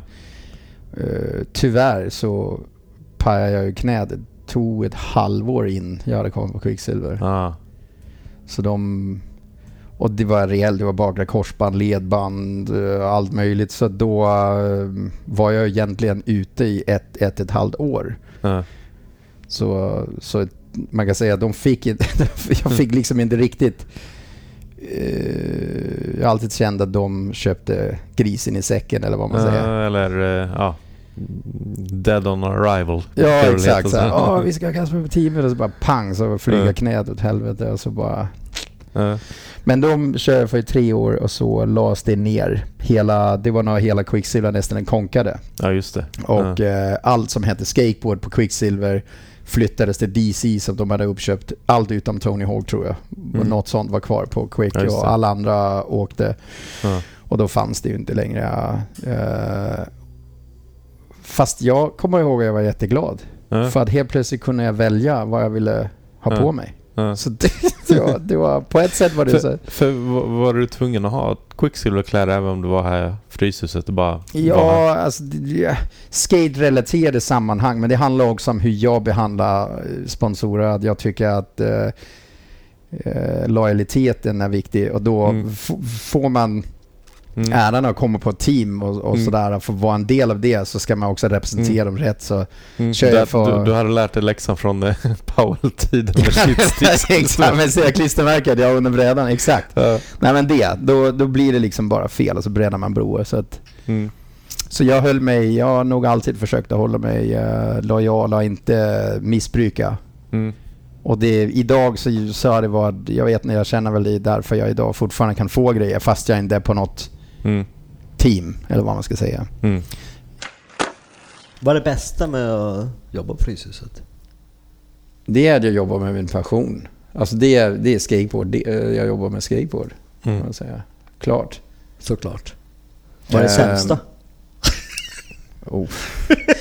Nej men det, det, det, det den tvåsidiga mynten är, det, det, det, det, är väldigt, väldigt, det är väldigt bra att vara en del av en stor organisation som eh, har kunskap och hjälp på, på alla möjliga punkter. Vi har avdelningar i Fryshuset som kan hjälpa på sociala delar med ungdomar och med, med, med allt möjligt. De är jätteduktiga. Men det är också, när man är en stor organisation så blir det också svårare att få något igen när man tar beslut. Så det, det är en tvåsidig, alltså det är lite så. Karl, Karlbergs an, anda lever kvar, för det var väl lite grann hans ungdomar på glid. Ja, Ja. eh, exakt. Han, han öppnade möjligheter för ungdomar i utanförskap. Och det... Tanken, idén och själen i det är fantastisk. Mm. Eh, Och, och är det inte så som, som jag uppfattat det så är det inte bara att det är en skatepark man öppnar och så spelar lite musik och säljer lite godis utan det finns också ett mer socialt arbete man kan göra. Jag har ju alltid undrat varför har Stockholm mer än tre gånger fler medlemmar exempelvis än andra skateparker i huvudstäder?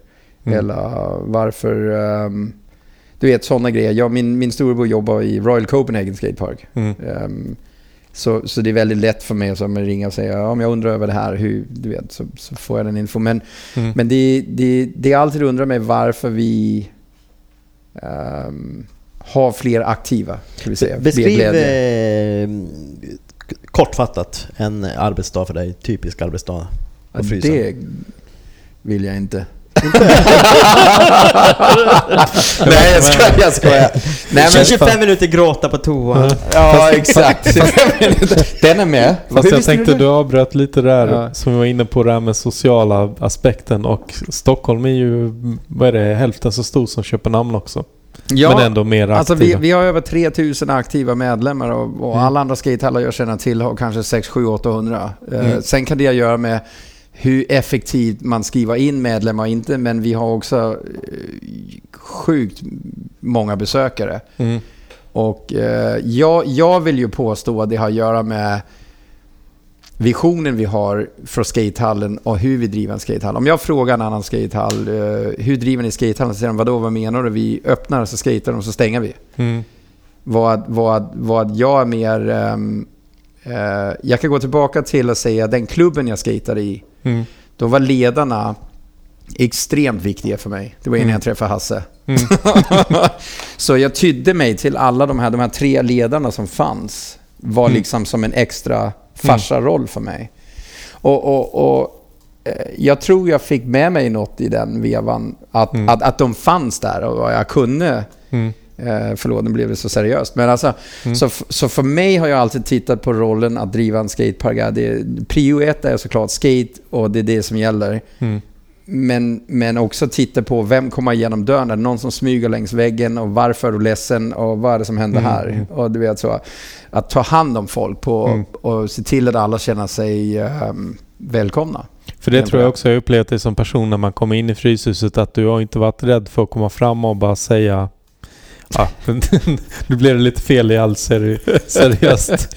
Ja, nej, jag, jag tänkte att problemet är få mig att sluta prata. Ja, det- nej, nej, men jag, alltså- jag tänker att du, du kan ju komma fram och så kan du ställa en fråga. Hur mår du liksom? Eller, Ja, eller varför gör du så här liksom? Om det är någon som gör något jobbigt och då ja. kanske du får veta lite mer än någon som bara går förbi och tänker antingen säga till jätteargt eller Jag kan, alltså, Förstår du vad jag menar? Ja, exakt. Men det, det är huvudspiken. För, Mm. för mig, och som jag eh, mådde som ung, så, så var det en viktig del att någon kunde ta sig tid. Att, att, att eh, inte för att man skulle älta någonting, men bara finnas där. Mm. Typ en, äldre, en, en vuxen gestalt kan man säga, en Mm. förebild. Mm. Och eh, eh, skateboard gav mig 99 procent. Mm. Och, eller 95. Och, och de här klubbledarna gav mig de andra 5 procent. Mm. Eller vad man ska säga, fyllde det sista. Och det har jag väl tagit med mig. Alltså det är det jag känner att, Mm. att vi tar hand om ungdomar och eh, föräldrar lite på att vi... Mm. ehm, att, det, att det är tryggt och bra där. Och Mm. det, det är det jag, mitt, mitt fokus är. Mm. Sen vad jag jobbar med Mattias, ehm, det är ju allt möjligt som ansvarig. Det är ju personalfråga, ekonomi, sponsorer, eh, events, ehm, Mm. Eh, vad nu det heter, och de tusentals Mm. mails och frågor man får varje dag. Eller andra Mm. möten på Fryshuset på andra avdelningar som vad ens kunskaper går vidare. Det är inte och- bara skateboard. Nej. Nej. Och sen är det ju liksom, får ju det hela tiden gå runt ekonomiskt. Det är inte lätt som förening. Det kan man fråga vilken förening Om någon frågar dig, eh, du, du sitter på någon middag och så här, någon parmiddag eller någonting, vad, Mm. vad, vad jobbar du med? Vad, vad, Då vad svarar ljuger du? jag och säger advokat. nej. Det är klart du gör. nej, det gör jag inte. Nej, nej, nej, det gör jag inte. Då säger jag verksamhetsansvarig. Jag säger, eh, Driver Stockholm Skatepark eller jobbar i Fryshuset eller det är lite Mm. olika svar beroende på vem det är. Om Mm. de är intresserade så kan vi prata om dem. Det är bara en sån här random fråga som de flesta ställer så säger jag att jag jobbar på Fryshuset. Mm. Du vet så här. Mm. Jobbar i, driva en skatepark eller? Mm. Om de frågar vissa, vad, ska- vad ska du göra när du blir vuxen då? Frågar kanske vissa. Nej Ja. men jag menar, du förstår vad jag menar. Skit i det, klipp bort det Dennis. Mm. Peter, Peter. Vi tar nästa, eller Ja, förlåt. ja, men eh, med, med Fryshuset är det intressant för att du har varit där väldigt många år. Du har varit Ja. med sen, sen Fryshuset låg på andra sidan vattnet och var i den gamla... Jag jobbar inte där då. Nej. Nej, men du var med Jag då. besökte, Du, du, var, ja. du, som, du har varit med på hela Fryshusresan med, som, och du har varit chef för väldigt, väldigt många år. Ja. Ja, det är väl 20 Vad- år nu i år, om det var vad, eh, vad, vad, vad kan vi vänta oss framåt med Fryshus? Hur ser det ut om fem år? Tio år? Alltså, eh, min vision, vår vision då i skatehallen och möjligheterna ekonomiskt krockar ju lite. Då, då, menar jag inte jag så här i tok-idéer som eh, miljard, miljonbelopp och så här. Men, men behovet är, om vi säger så här, behovet i Stockholm är en skatepark till norr om stan. Det är det direkta behovet. Det är bara att titta på medlemsbasen och titta på så. Så att... Så att eh, Varför inte Västerort? Västerort är Nej, de men- enda ställen som inte ut- har betong. Utan att prata om vad, vad och hit och så här. Men en skatepark till, alternativt en större skatepark. Men man kan, det, det, det är inte så man bara flyttar ut ur Fryshuset för man är en del av Fryshuset. Så att vi har den parken vi har idag och målet är att jobba på att få en park till. Så Mm. vi kan... eh, Under Fryshusets flagga, så att säga. Eller paraply, hur man ska kalla Ja, det är vårt mål som jobbar i Fryshuset att få en...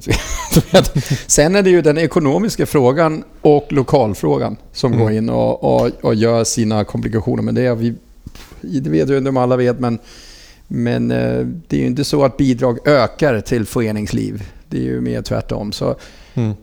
Eh, mega cred till alla medlemmar som kommer och, och, och hjälper oss med att få det hela att gå runt. Och, för det är ju det det handlar om. Det är medlemsbesök och försäljning Mm. och så som gör att vi klarar oss. Och lokalhyrorna blir väl dyrare och dyrare i och med Sponsorer. ja, Stockholm och storstad. Ja, också det. Så, att, så att det är inte... Jag upplever, i mina 19 år där, upplever jag att många inte riktigt förstår vad det kräver att driva en sån verksamhet. Det lättaste sättet att säga det på det är att eh, om du tar bort vad verksamheten gör så driver man en verksamhet precis på samma sätt som man driver alla verksamheter. Det är samma jobb det innebär. Mm. Eh, och sen lägger du till den, eh, det socialkompetenta eller socialpedagogiska jobbet som också existerar i, en- i en hall med ungdomar Mm. och eh, föräldrafrågor. Så jag skulle på många sätt säga att det är faktiskt mer att göra ibland Mm. på en sån verksamhet än, än en vanlig verksamhetsdrift. Mm. Eh. Ja. Så nu pratar vi inte mer om det. Jo. nu ska vi ha den roliga frågan. Du har träffat kungen. Åh herregud. Nu vänder vi blad, säger Ja, Jag har träffat kungen. Eh, Nej men ni brukar väl få lite besök av ja. kungafamiljen då och då jag, eller? jag kan ha... Fryshuset får väldigt mycket kungligt besök, ja. Mm. Men jag... Alltså, eh, Men senaste gången Sylvia och Madeleine och sådana har jag träffat eh, Mm. massa gånger och det, det finns en helt fantastisk... Eh, Det kanske var Göran Persson eller vad var det jag, Jag, tänkte på? Nej, Re- Reinfeldt menar jag. ja, Reinfeldt och prins Charles var, det, var en var det. specifik... eh, Det var den du menade. Mm, det var nog det jag tänkte. Det, det, var med, det var med stela jag gjorde hela mitt liv. Mm. Ehm, det var extremt... eh, det var ju roligt kan man Mm. säga. Men, men det var ett sånt uppspel kring prins Charles. Så, och vad jag fick säga till honom och inte säga. Jag kommer ihåg att säga till den svenska kungen så här och den, du vet, prins Charles och, och Mm. drottning Silvia så här. Och, jag kommer inte ens ihåg nu så här, your, your Royal Highness och vad det ena och den andra var Mm. Your, något annat Mm. sätt att säga det på. Till slut så blir jag så stressad så precis som du kom ner så viskar jag i örat på en kollega som står med mig, inte skatehallskollega men Mm. eh, fysisk kollega och vad var det nu, vad var det nu jag skulle, vad var det nu jag skulle Mm. säga? Och eh, precis som det kom fram, och någon har filmat det här. Så, Mhm. så jag vet inte om ni har sett den där Mr Bean när han ska hälsa på drottningen, Ja, han skallar henne. Ja, exakt. Ja, det är ungefär exakt jag, jag tänkte på så. samma det, är, sak. det är exakt det som... Men det är vi, exakt vi, så. vi måste förklara för lyssnarna och för Ja. mig varför, eh, alltså hur det kommer sig att varför har kungligheterna varit... För, för att gör en sån insats mot uh, utanförskap och grupper och ungdomar. Så även Eh, så, så då blir man, då blir man väldigt har intresserad Ja, ja. när kungafamiljen Mm. får besök exempelvis utomlands ifrån Ja. eh, så kan de ibland boka en genomgång av Okej. uh, Fryshuset och Okej. visa upp det. Och då, då, då blir det Givetvis. liksom eftersom skaten Ja. är en väldigt stor verksamhet i Fryshuset så Mm. kommer de ner där och så får man, Okej. så får man försöka och Och du Och säga skallade, hej. du, du skallade Silvia? Nej, jag gjorde inte det, men det var ungefär den, det var samma typ av hälsning utan eh, skallen, den danska skallen. Det var, det, var, det var det stelaste jag har sett det på film, det var fruktansvärt. Men, men, Vi får länka den till vi- vi- avsnittet. Vi lägger den till oss. Men det bästa, det bä, kort, kort förklarat, det bästa exemplet var att Sylvia kom med någon eh, spansk eller brasiliansk prinsessa och skulle visa Mm. Fryshuset. Och då var Mark Pullman Mm. eh, skate skolelärare Mm. tillsammans med Bemo. Mm. Och de skatade runt eh, efter lektionstid, men Mm. innan öppettid. Och så kommer Sylvia med de där Mm. och gör, du vet, så man sa hej hej, du vet, eh, hej Mm. Sylvia. Men Mm. så kommer Mark skatande upp i så här linne, Mm. wife beater linne Ja. med hål i. Totalt svettig. Och, och, och bara så här, man ser de här vaktarna, det är alltid vakter med. Ja. Alltså så här, eh, Ja. bodyguards eller vad det är. Eh, de blir lite stressade över det kommer någon susande på skateboard mot Sylvia. Ja. Men sen bara så här powerslida nära henne och säga så här Tja Sylvia! Och jag ger henne någon form av halv high five och handskakning. och jag, jag höll på att gå sönder för jag bara tänkte det var så jävla cleant. Och, du vet, Hade, hade han sin bandana på också? han hade inte den där. Ja. Eller sin vita kostym eller vad han hade. Men, men, men det, var, det, var en skön, det var en skön stämning i skatehallen när, när det hände. Och, och Bemo stod och pratade på spanska eller portugisiska med den här andra babbidi babbidi och du vet så här. Ja, det var Vad, så här vad, svarade, vad svarade Sylvia då? Hej. Alltså du vet, det var... Det var Det, det, var en, det var en väldigt redig powerslide på hennes tyska. jag tyckte det var så jävla skate. Jag kommer ihåg jag kände så här, yes, det där var så jävla bra. Ja. Du vet, inte så här, hej eh, är majestät, eller du vet så här bara, tja Silvia. Ja, en skön powerslide från Mark Pullman. Men hur blev hon tysk? Hon är väl tysk? Silvia är- Ja, hon är, Sommerlath. hon är, de är tyska som... Alltså, Men hon Alltså- pratar åtta språk. Alltså du vet efter andra världskriget så fick ju Brasilien ganska mycket tyska. de fick Ja. en tyska då ja. Ja, herregud alltså. Så ja. Men alla vet eh, varför kungen valde Sylvia? Nej. Nej. Kanske en annan podd. Ja, vi tar en annan podd på det där. Eh, ja, då ska vi in på nästa fråga. Nej men eh, det måste... Jag tänker också skateboard är ju oftast missuppfattat av allmänheten. Och ha en skateboardpark. Ni måste ju fått massa konstiga förslag från företag om att hyra Fryshuset och göra... Hyra? Ja, eller att de vill komma dit och göra saker alltså. Eh, Hej, kan vi komma alltså- dit och göra saker? På riktigt Dennis, 99% av alla förfrågningar vi får, värsta dels av TV, olika TV-kanaler, tror att det är allmän plats där man kan komma in och göra någon form av filminspelning och det finns absolut inga pengar att hämta någonstans. Mm. Inställningen är att det är ju bara skateboard, men Mm. just nu behöver vi det för reklam för våra nya kläder eller vad det nu kan vara. Mm. Och där har jag ju i åren lärt mig att bli hård. Liksom. Mm. Dels så har prioriteten vara medlemmar, punkt. Och ska någon in i hallen och stänga hallen och hyra hallen av Mm. någon anledning Mm. så ska det antingen gynna oss extremt mycket för vi vill vara i synonym med det varumärke Mm. eller så ehm, ska de betala så pass mycket att, ehm, att det gynnar medlemmarna den vägen. Mm. Så, så det här vanliga, jag tror jag säger nej till mer än 90% av alla förfrågningar. Mm. För att, för att det, synet på att man bara, det är typ som Mm. att jag brukar jämföra det med att om man har någon form av eh, annan verksamhet som inte har Mm. med skate att göra. Och så ska Mm. jag bara gå in och säga, hörni, jag behöver den där eh, scenen imorgon Mm. klockan Mm. två. Eh, Okej? Mm.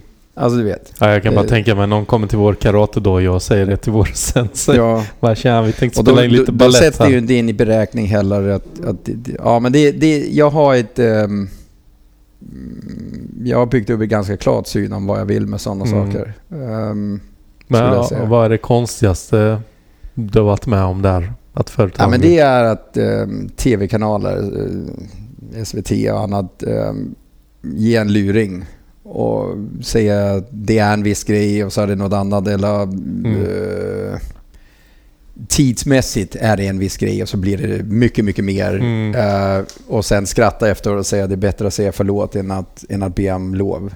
Mm. Så sådana situationer då... Men, men konstiga frågor kan man få absolut. Eh, Nej men har de velat göra någon rolig tv-program, Big Brother, skateversionen eller ja, du vet, något sånt? Ja, det får du fråga Mark om. Det verkar som att han har fått alla de frågorna. Mark Sånt. in the dark. Mark in the dark och Kissing in the... Vad var det? Ja. Nej, men... Big eh, Brother Skateboard-versionen hade varit så Nej, jävla nej alltså, program, men alltså. det vet jag inte. Men ehm, Mm. det kommer jag ändå ihåg. Om Mm. vi har fått det tror jag inte. Sen, i och med att du ja, jobbar på Fryshuset. Du skater ju ganska mycket ett tag, vet jag. Mm. Mycket värt. Och jag Varje vet att du och Steven White skulle lära er 540 ett tag ändå. Den här jävla 540. vad, vad var det? För att där har du väl gett upp proffsdrömmarna men det var ändå sådär... Ja, hade varit kul att Men nu har jag ju aldrig uttalat att jag hade några proffsdrömmar. Nej men det var jag som sa det. Ja, exakt. Men... Eh, det, det dyker, 540 har dykt upp sen... Mm. Ja, men sen... sen 80, 89 kan man säga för mig. Mm. Så ibland dyker det upp så bara, jag kanske skulle testa det här och så här. Mm. Ehm, och ibland så behöver man någon som spårar en. Jag tror att jag och Steven har haft någon period och så här. Men Mm. nej, jag har aldrig satt 540. Har Steven gjort det? Nej, inte vad jag vet. Han, han var väldigt duktig på att spinna eh, indie. Vilket Mm. var läskigt för mig. Jag har alltid tyckt indie var läskigt. Men Men försökte du spinna? Mm, Ja, fast jag är tillbaka i, i svar jag gjorde tidigare. Jag kunde väl försöka några gånger, så kunde jag känna så här, men varför ska jag hålla på med det här när jag inte kan göra 360 years to fakey? Mm. När jag inte gör uh, uh, gay twist 100% uh, så här 99 av 99 försök. Eller, Mm. eh, och då, då kunde jag liksom bara så här, för, för mig när jag har lärt mig något eller skatat som bäst, då är det när jag leker. Och då Mm. finns det ingen så här regel, nu vill jag lära mig. Mm. Eh, Utan det är mera, men fan jag vill testa för Steven håller på med en 540. Jag, vet, jag testade också en gång. Jag, jag tror jag har jobbat med så här. Om jag tycker indie är... Nu tar jag den som exempel. Mm. För, för den tyckte jag var, lite var lite jobbig. Så här, det var inte som backside frontside och tail grab och så. Den var Mm. lite svårare tyckte jag. Då, istället för att jobba på indie och bli irriterad och känna att skateboard helt plötsligt är så här, nu har jag i tre dagar bara ollat upp i indie och baila, Mm. baila, du vet så här. Så testar jag heelflip indie, eller kickflip indie. Mm. Uh, vilket vilket någon, på något konstigt psykologiskt sätt för mig gör att indien blir så här simpel. Mm. Det vill säga, någon dag så tänker jag så här, "Ah, skiter jag i det här hillflip. Nu har jag missat tillräckligt många gånger. Men, men det är ju ett spännande trick. Och Då kan jag Mm. missa det och fortfarande vara åh, det var nära! Och så Mm. springa upp för trappan igen. Mm. Men en vanlig indie så blir jag kritisk. Varför kunde jag inte det? Du vet, Mm. Mm. Så då kan jag, kan jag, jag, jag, jag, jag har analyserat det lite på det senaste. Det är väl lite så jag jobbar. Att Mm. Man går bara på så här... Eh, någon dag man gör eh, Caballerials eller Gay Twists eller så här Fake It 360 så med grab. Mm. Så kan man säga, åh, ska vi inte... Alltså man bara säger så. Åh, ska vi inte prova med heel flip? Bara för skoj. Mm. Och så testar man det. Och, någonstans så hjälper det till att kunna... Alltså jag upplever för få människor att testa grejer. Nu, nu ska jag Mm. inte prata om street för då får man ju... Alltså du kan ju inte bara testa ett handrail. Det, Mm. det är ju Men- skillnaden på värta och street. Exakt. Ja. Det är, nej men det är ju exakt skillnad. Jag säger inte något är lättare eller svårare men om jag föreställer mig så här. Jag kan ju testa 900 i värt. Det är klart Mm. det kan gå fel. Mm.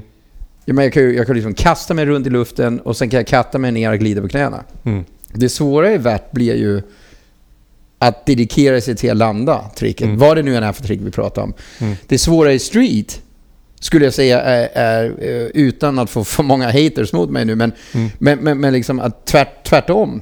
Mm. Om jag föreställer mig att göra en backlip nerför ett handrail, Mm. då kan du inte testa det. Hur ska Mm. du testa det? Det bollsäckar du. Mm. Alltså du ska, antingen så gör du det, annars så gör du det inte. Men du, Mm. du, du gör en jävligt snygg övergång till, till en fråga som jag eh, faktiskt eh, hade förberett. Eh, freestyle är lätt att börja så här, man börjar eh, ställa sig på trucken eller på högkant och sånt. Och street, du kan göra en eh, grind på eh, en curb. Men börja åka vart? Det, det är ju en jävla uppförsbacke bokstavligt talat. Exakt. Vad, har- alltså, vad har du för tips till någon eventuell lyssnare? Vi kanske inte har några sådana lyssnare, men, men, men skitsamma. Vem, Jo. vem, Du kanske inte... hur, hur, hur, hur börjar man åka vart? För Nej, det, men- det är ju fan mig inte lätt. Du beskriver det så himla bra. För grejen är, varför, om vi nu utan att ska gå in i en filosofisk grej av det, varför skata största antalet street? Eh, enligt mig är det för att det är tillgängligt hela tiden. Och det är lätt för du kan skata street på alla nivåer och fortfarande vara en streetskatare, säger vi. ja, ja. Och freestyle gör man Men, men, du, är kan inte, men, att men du känner ju inte du är en Ja. värtåkare om du pumpar en tredjedel upp i värtböjen.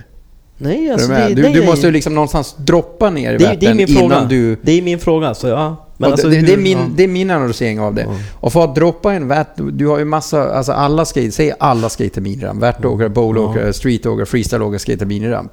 Men steget från en miniramp till en värtramp är ju, det är ju inte, det finns ju ingen, det finns ju inget mellannivå mellan dem. Mm. Jag har droppat in en värtsramp eh, några gånger. Men Har alltså, du? ja, många gånger. Eller några gånger, kanske fem gånger. Men, men utöver det så finns det det finns ju inte på kartan att göra men någonting det- alls. Och det- det jag menar, hur går man... Det jobbiga är, du, du provar någonting i värt, missar, så ska du gå, gå, gå hela vägen upp, upp. Du ska till ett ställe var det är en värt. Du ska ha skydd och hjälm och Ja, allting det, på. det, handlar, det, det handlar hur, Alltså, det är- hur, det är en- att ens prova någonting. Ja, det är en sorts dedication där det tar lång tid att vänja sig till böjen som vi pratade om tidigare, vänja sig till det vertikala. När du har vänjat dig till transitionen och det vertikala.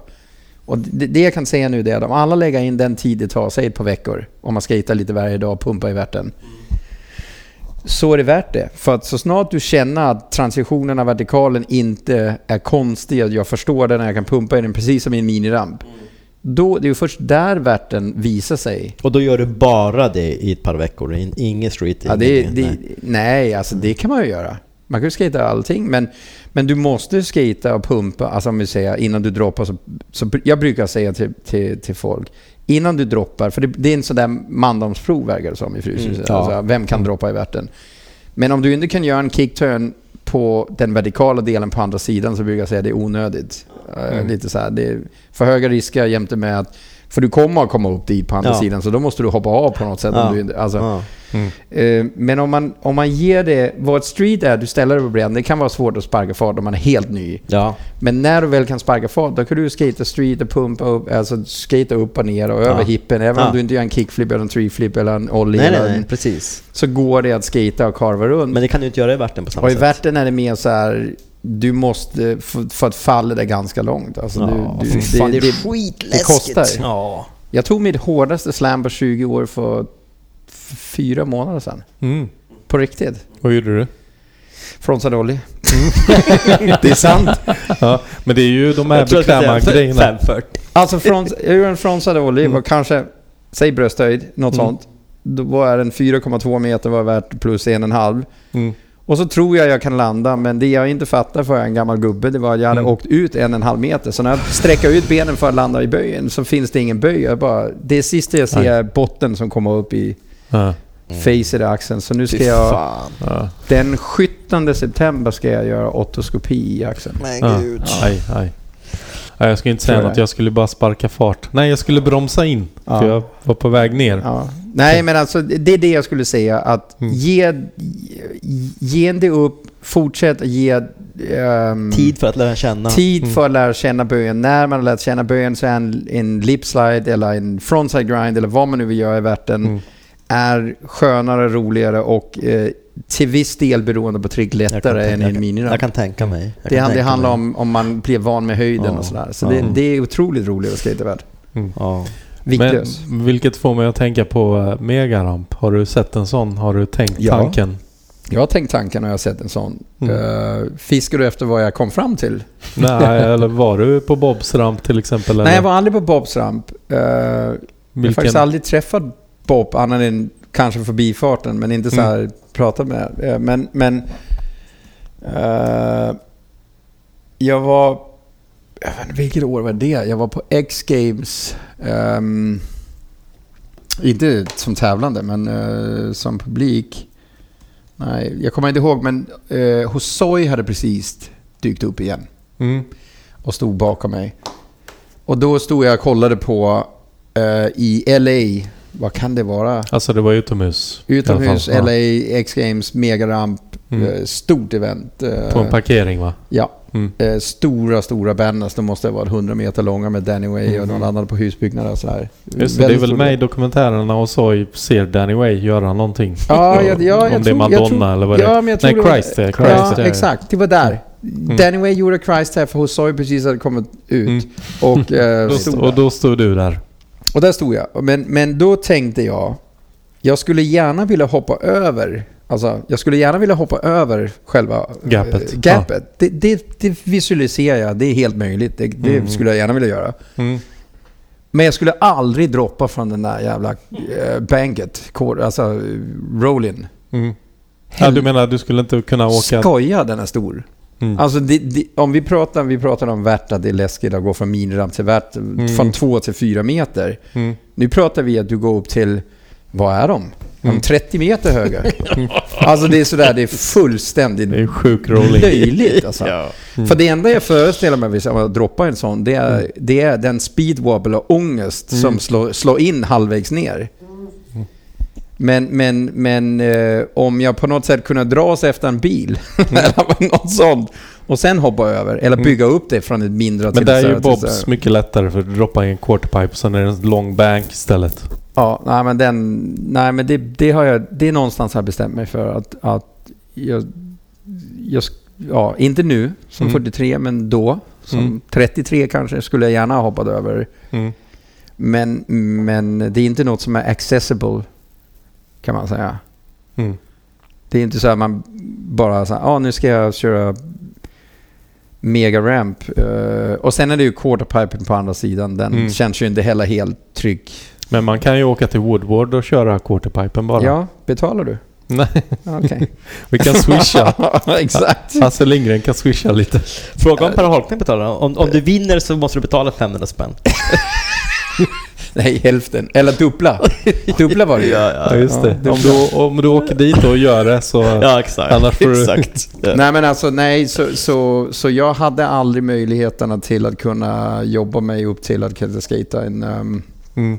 en sån. Och nu, eh, i- nu i dagsläget skulle min kropp inte någonstans klara av det. Mm. Nej. Nej, fy fan. Nej, jag- förstår vad du menar. Efter mitt slam där jag bara trillar ner på vanlig asfalt. typ. Ja, fy fan vad åh, åh, det är så jobbigt Men, men eh, du har ändå varit i USA lite senare tid och där har jag en fråga. Du kramades och pussades med Mattias Ringström i USA. Alltid. Och han blev inte så glad, säger ryktena, nej, när du Alltså- gjorde det i USA. nej, alltså så. När jag kom till Sverige så lärde jag känna Mattias Ringström Mm. och ehm, vi skejtade mycket tillsammans och hängde mycket tillsammans. Eh, och sen drar han vidare till USA. Det var tidigt. Han har väl varit där i, han har väl varit där i 19 år eller något sånt. Mm. Skulle jag tro nu. 20 år. Ja, mer nästan va? Nu har han Var varit mer än så. Är det Ja. så? Ja, ja, ja. Ja, men då var det några... Ja, skitsamma. Vi hann hänga lite och sen var det ju så. och varje gång jag är i USA så ser jag till att hälsa på honom. Men, men ehm, vi hade en viss jargong hemma. Mm. Och, och, och sen kom jag till USA och då hade han... Du, du frågade om det fanns samma regler på Bones Brigade. Ja, Det just fanns det. inga regler där som jag fick så, men han hade en lista med regler. Och det, men det, var, det, är, det är ju för att eh, det upplevde jag själv när jag var i USA 92 och 93. Mm. Att mm, jag kan ge det exemplet först. Att, att det var en jag hade hängt med i, i nästan tre månaders tid och vi kom väldigt bra överens och surfade och hade kul. Mm. Och så var det någon dag jag la armen om axlarna. Du vet så här, Mm. som en vanlig så här Ja, ja. Mm. bro-grej. Mm. Mm. Och då ryckte han åt sidan väldigt snabbt och bara “What are you doing?” Mm. Du vet så här, "Vad- “What's up?” du vet, Mm. Då var det väldigt, eh, det var för nära. Mm. Och jag, jag har inte sådana Gränser. pro, problem, ja, om du vill säga gränser. Men nej, nej, jag jag, är ganska trygg i, i mig själv och jag, Mm. känner, inte, jag känner inte att... Um, alltså, om, om du är en grym kompis till mig så får du en kram. Deal with Mm. it. Så Mm. är det bara. Mm. Ehm, och, och det, Mattias, Mattias dialog med mig och, och, och att jag även gjorde det, gav en Mm. kram eller la handen om axeln på honom var, Mm. var besvärande för att han, han tänkte på sin image. Mm. Och eh, eh, så, så är det. Mm. Att det. Att det kan väldigt lätt bli, Mm. och jag tycker det är lite löjligt men Mm. det är min inställning. Ja, för det ryktet säger att han hade sagt till det, men nu har jag jobbat i flera år på...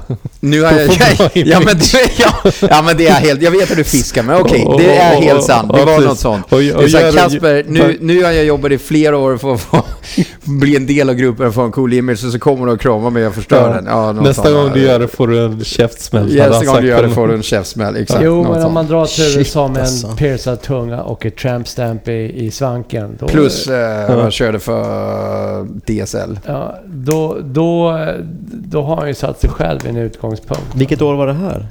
När han drog 94. Nej men alltså när hela... Nej men det händer varje år jag hälsar på honom. Eller varje gång jag hälsar på honom. Vägar. Ja, ja. Som Vägar. vägar. Det är ingen, det är ingen nytt. Jag, Var, jag, var, var när smakar en Mattias Ringström eh, kram bäst? Vägang. nej. Det, men då får du ett hot av Mattias Ringström när du kramar honom. ja, Fast nu är Ringmuske faktiskt nöjd och glad. Han är Mm. familjefar och... Ja. jag, jag tycker om Mattias Ringström. Ja, Det är- en bra kille. Se om jag ringer upp han efter avsnittet som jag gjorde med Alis avsnitt. Ja. Ja, det är bra. Hörru du Dennis, börjar bli avslutningsfrågorna nu ser jag. Vad tråkigt Mm. ni är. Jag, ser- ja men jag ser att Vi- det börjar vi- gå mot slutet. Nej, men vi har ju en jättestor fråga här. Ja. Den stora frågan som du har ångest över. Nej, det har jag inte. Nej, men eh, du har blivit, eller blivit, men du är tränare för landslaget i svenska skateboardlandslaget för OS i Japan om två år. Du lägger ju upp det till pisk. Herregud. Mm. Nej, alltså. Jag har blivit tillfrågad om jag vill vara head coach för OS-satsningen. Mm. Ehm, ja. Mm. Vilket, vilket jag eh, är och har taggat ja till, ja. Mm. Eh, Och jag antar att du fick veta vad det innebär. Vad innebär det egentligen? Ehm, det är en eh, learning process fortfarande, Mm. vad det innebär. För eftersom, eftersom skateboard inte har funnits med på kartan på det sättet någonsin. Alltså, Mm, mm. skateboard kommer med i OS i Japan. Mm. Så är det, det går inte att ändra på. Mm. Eh, OS i världen har ju gjort en ny regel att, att varje land får välja fem egna sporter och därav har Japan valt skateboard och surfing eh, som Peter har. Mm. Och, och, och då fungerar det så att ehm, vill man ha möjligheten att eh, eh, ta någon från sitt land till OS Mm. så måste det gå igenom den olympiska kommitté som finns för det landet. Mm. Eh, I Sverige då Svenska olympiska kommittén. Mm. Och eh, då behövs det föras kommunikation och ehm, om hur det ska gå till och så vidare. Mellan riders och, eh, och ehm, eh, den svenska olympiska kommission som tar hela truppen till OS. OS är en annan... ehm, det ser annorlunda ut än, den typ av tävlingsform vi är van med. Det är ju mycket, mycket, mycket större. Det är världsligt och det, är- det, Mm. det, det är en helt annan motor inom det. Och Mm. ehm, det finns specifika Mm. regler med klädsel eller, eller annat. Ehm, så, så det är det jag ehm, också jobbar med. Och de var... Ja. Uh, vilket är superspännande, Mm. tycker jag. Eh, för att om, om faktum är att skateboard ska vara med i OS, och, Mm. och, och det, så är det. Mm. Och vi har åkare i Sverige som kan ta sig till OS och, och um, potentiellt sett ta, med, ta medalj om Mm. de vill. Eh, så tycker jag det är spännande att jobba med det Mm. på, och få det så eh, bra som möjligt inom skateboard ehm, och se till att vi håller oss till det så, alltså jag menar att påverka Mm. att det kan bli superbra. Mm. Men det innebär att du redan nu börjar, kommer börja jobba med det och sen att du också drar till Japan? Det, det, exakt, det är ganska Mm. nytt. Det vill säga, och eftersom skateboard inte varit med förr så tar jag inte jag över en roll där det finns massa riktlinjer Mm. som, som tidigare skapats. Jag måste ju skapa helt egna riktlinjer. Det, är- Mm. Självklart så har det här kommit, eh, så det är ju Sveriges Skateboardförbund där och eh, den svenska olympiska kommittén som har eh, på så sätt. Och, och min roll kan man säga det är att det finns ju något som heter förbundskaptener och det är jag Mm. inte. Det är, när du, det är när du liksom har landslag och andra grejer. Du börjar med att säga landslag. Vi, Mm. eh, vi, vi har ju inte just i dagsläget eller något sånt landslag. Mm. Vad, vad jag är är en headcoach som förmedlar mellan SOK Mm. Och eh, åkarna Mm. och ser till att allting passar ihop så bra sätt att de kommer med till eh, olympiaden och får Mm. all det stöd och den eh, eh, fokus vi kan ge dem Mm. om de vill. Mm. Alltså det är ju ingen, eh, det är ju det. Mm. Ehm, I dagsläget så är det, ehm, kan jag säga, det är Oskar Rosenberg, Oski, Mm. och, eh, som vann VM 2017 Mm. och eh, grym skatare. Ehm, och eh, Kalle Berglind Mm. som har eh, extremt bra resultat från han dök upp, sig- alltså han har, vi har känt honom i många år, men på den Mm. internationella marknaden så dök han upp 2017 och har, har bara gjort bättre och bättre av sig. Ja. Så de, två har ju ehm, väldigt stor möjlighet att komma till OS och är väldigt sugna på det. Mm. Och, då är det, och då är det jättebra att jag finns för att de, jag ser till att de får bara skata och göra det de vill. Mm. Så de inte ska... Jag är den som kommunicerar med den svenska olympiska kommittén eh, Mm. och ser till att eh, de kommer med den gruppen till olympiaden om de klassificerar sig och får poäng Mm. och, och skapar de möjligheter de, de kan. Mm. Eh, allt, allt det är ganska nytt och det är ju såklart ett samarbete skulle jag säga Mm. mellan vad skateboard är idag, Mm. alltså som det ska fortsätta vara. Skateboard är skateboard. Mm. Men också vad eh, SOCK förväntar sig Mm. Ehm, och hur vi samarbetar och bygger broar emellan. Men också säga nej, det, där kan vi inte. Eller de säger nej, det där kan vi inte. Ja, du vet så här. Mm. Mm, och ja, så Mm. det, det, är en, det är en stor uppgift som... eh, jag vet att det är mycket splittrade meningar, men, Mm. men jag anser min roll som att förmedla det så bra som möjligt så att skateboard kan fortsätta precis som det gör. Jag ser inte att det ska göra någon skillnad på alla andra Mm. tävlingar, events eller alla andra grejer. Men vill du med i OS så finns det vissa regler som gäller Mm. för att ta sig till OS. Mm.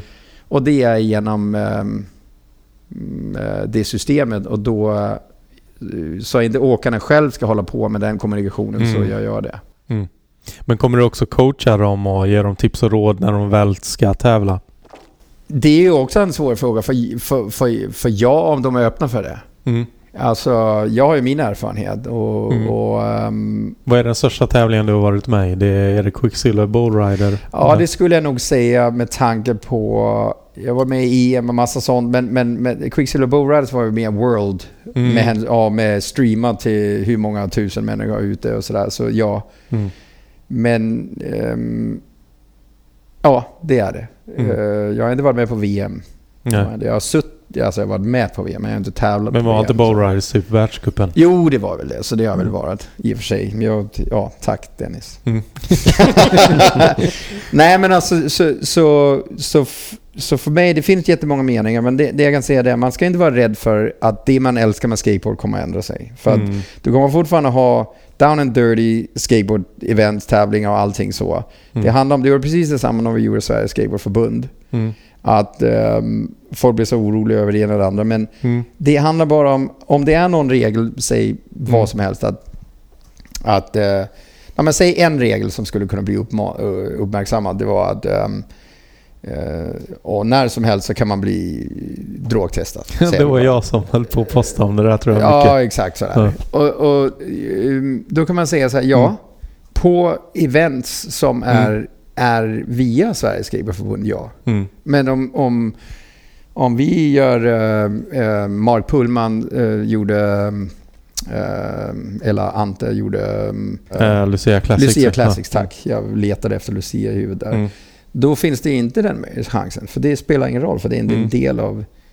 Så att, så, att, så att jag har lyssnat på alla Mm. synpunkter genom åren. Mm. För det har varit en diskussion som har pågått med X-Games Mm. och med allting. Och, och jag känner att eh, man behöver inte vara orolig. Och i och med att det kommer att hända så vill jag hellre vara en del av det. Och se Mm. till att... Mm. Alltså för mig tyckte jag det var en ära att få frågan om jag ville vara det. Och jag vill hellre se till att det blir så bra som möjligt Mm. eh, inom... Alltså för skateboard Mm. som möjligt. Mm. Eh, och där är det helt ny mark och därför kan jag inte riktigt Mm. ge något konkret. Mm. Uh, annat än det skapar möjligheter. Sen om man gillar det på det Mm. ena sättet eller inte. Men, men Mm. för Oskar och Kalle så är det enorma möjligheter som eh, de är fantastiska grabbar och helt, helt galet bra skejtare. Mm. Ehm, så ja, Mm. det, det är där vi är och det jobbar vi på. Men, och Mm. jag, jag ska till uh, Vans Park Series nere i Malmö nu, Mm. här om två veckor. Mm. Och sen ska jag till eh, Shanghai som är slutfinalen i Vans Park Series. Ehm, och där kommer jag finnas för grabbarna på det sätt de behöver det. Mm. Och eh, du frågar om coach och det är ju Mm. tanken men det är ju inte så att jag i nödvändigtvis eh, behöver stå... Alltså jag vet inte Mm. hur man tänker. För mig kan coach låta lite sådär. Mm. Men det är, det är vad jag är. Shanghai, Mm. Kina. Ja. Ingen skatepark som inte jag har utan det är Shanghai, Kina. Mm. Ja, ah, coolt. Ja. Mm. Så det, det är planen just nu och sen börjar allting 2019. Mm. Det vill säga poäng, poängställningar inför OS och, och hela den Mm. biten. Där har vi ingen information. Det är World Skate som jobbar med det just nu. Mm. Eh, World Skate, det, där har jag en gammal kompis till mig, eller vad man ska säga, skater med från Powell-tiden, Neil Hendricks, Ja, just det. som Mm. jobbar med World Skate. Så Mm. Jag försöker- New, New Deal-åkare väl också? Han var New Deal-åkare, ja. Mm. Ja, absolut. absolut. Mm. Ehm, så han jobbar ju väldigt tajt med det. Mm. Och eh, jag, ja, Mm. där är det. Så, så det enda jag vet om, alltså vad ska man säga, vad som kommer att hända det är informationen om de olika eventsen som potentiellt Mm. sett kommer att vara poänggivande. Och så här. Men vi har ingen idé om vad som gäller annat Mm. än eh, max tre från varje land, vilket är en fördel för Sverige. Mm. Danmark, Europa kan man Mm. säga. För att USA skulle kunna placera 20 personer. Det är Mm. 20 i varje. Mm. Det är 20 som kan gå med. Topp Ja. toppoäng 20. Det, det är inte så att din eh, brorsa kommer vara Nej, för Danmark? det, nej, han skejtar inte tillräckligt. Nej, jag tänkte Ja, nej, coach. eh, head coach. Nej, jag, jag vet faktiskt inte. Vi, vi pratade om det tidigare, jag och Mm. Peter. Jag har inte koll på om Danmark ens har någon eller vem det är i så Mm. Ja, jag bara tänkte att jag har det hade varit lite med... roligt om du och om, vi, brorsan. om vi tar Ja. Tyskland så är det Mm. Jürgen Håvard till Mm, exempel. mm. Som också är världåkare. Han och jag har pratat lite och... Och sen har varje land olika upplägg Mm. på hur man gör det. För det kommer ju genom... eh, Det startar ju genom eh, förbundet, skateförbundet. Mm. Det är, ju- det är ju förbundet som ska... Ehm, och det här är ingenting, vad ska man säga, i och med vi har Kalle Oskar Mm. Så vill man gärna göra den här satsningen i Sverige för att de får möjlighet att komma till OS, Mm. vilket de gärna vill. Mm. Mm. Så, så det är liksom lite grann så det, det är uppbyggt. Så min roll är att se till att ehm, SOK och Kalle och Oskar är nöjda och det, vi bihåller det eh, till den skatevärdering vi har hela Mm, vägen. Ja, precis. För att gå tillbaka lite till den där jag kommenterar om dopingkontroll så, så var jag faktiskt på SM i snowboard. Nu kommer jag inte ihåg var någonstans det var, uppe i fjällen. Och, eh, och då vet jag, då såg jag i stugan med, med alla de här som skulle vara med och tävla. Och sen så blev man väckt sådär klockan åtta på morgonen. Jag skulle inte göra något piskprov för jag var ju bara där som fotograf. Men det var ändå sådär surt bara, fan klockan åtta på morgonen, låt mig vara liksom. Och, och man varit, men, men nu så här i efterhand så känner jag att skateboard har inte riktigt blivit, eller på väg att bli misshandlad som Jag snowboard blev. Snow, snowboard var ju, det är också det. Jag, jag, vad jag har upplevt, sen kan ju inte jag säga hur det blir, för, för att Mm. dopinggruppen är helt utomstående från allt. De, Mm. de kan vi inte prata med eller påverka eller någonting. Ingen kan det. Så det har ingenting med de andra att göra. Men de bestämmer själva. Det, det är ju så att det finns olika sporter och olika länder som är mer eller mindre benägna Mm. ja, inför doping. Och, och då Mm. görs en bedömning och vi kan inte svara på om den bedömningen görs på skateboard eller inte. Mm. Ehm, Nu tänkte jag kanske inte just på dopingen men bara hela den här grejen att snowboard känns som har inte mått så bra att vara med i OS men jag tror skateboard kommer må bättre. Jag eller tror- gå igenom det bättre än vad snowboard har fått. jag tror väl också det hade, hade inte det också något att göra med att snowboard kom med via skidförbundet? Har Ja. jag för mig. Att det, att det blev Absolut. en jävligt knasig start. Och, Ja. ehm, eh, men jag förstår, jag förstår oron. För Mm. skateboard är vad det är. Det är en sorts... eh, vi följer inte några regler, vi gör som vi vill. Det är en kreativ eh, expression. Och du gör streetvärd, mini bowl, du gör precis vad du vill. Och det är Mm. ingen som ska komma och säga vad du ska göra. Jag fattar Mm. det. Mm. Och jag är helt med på det.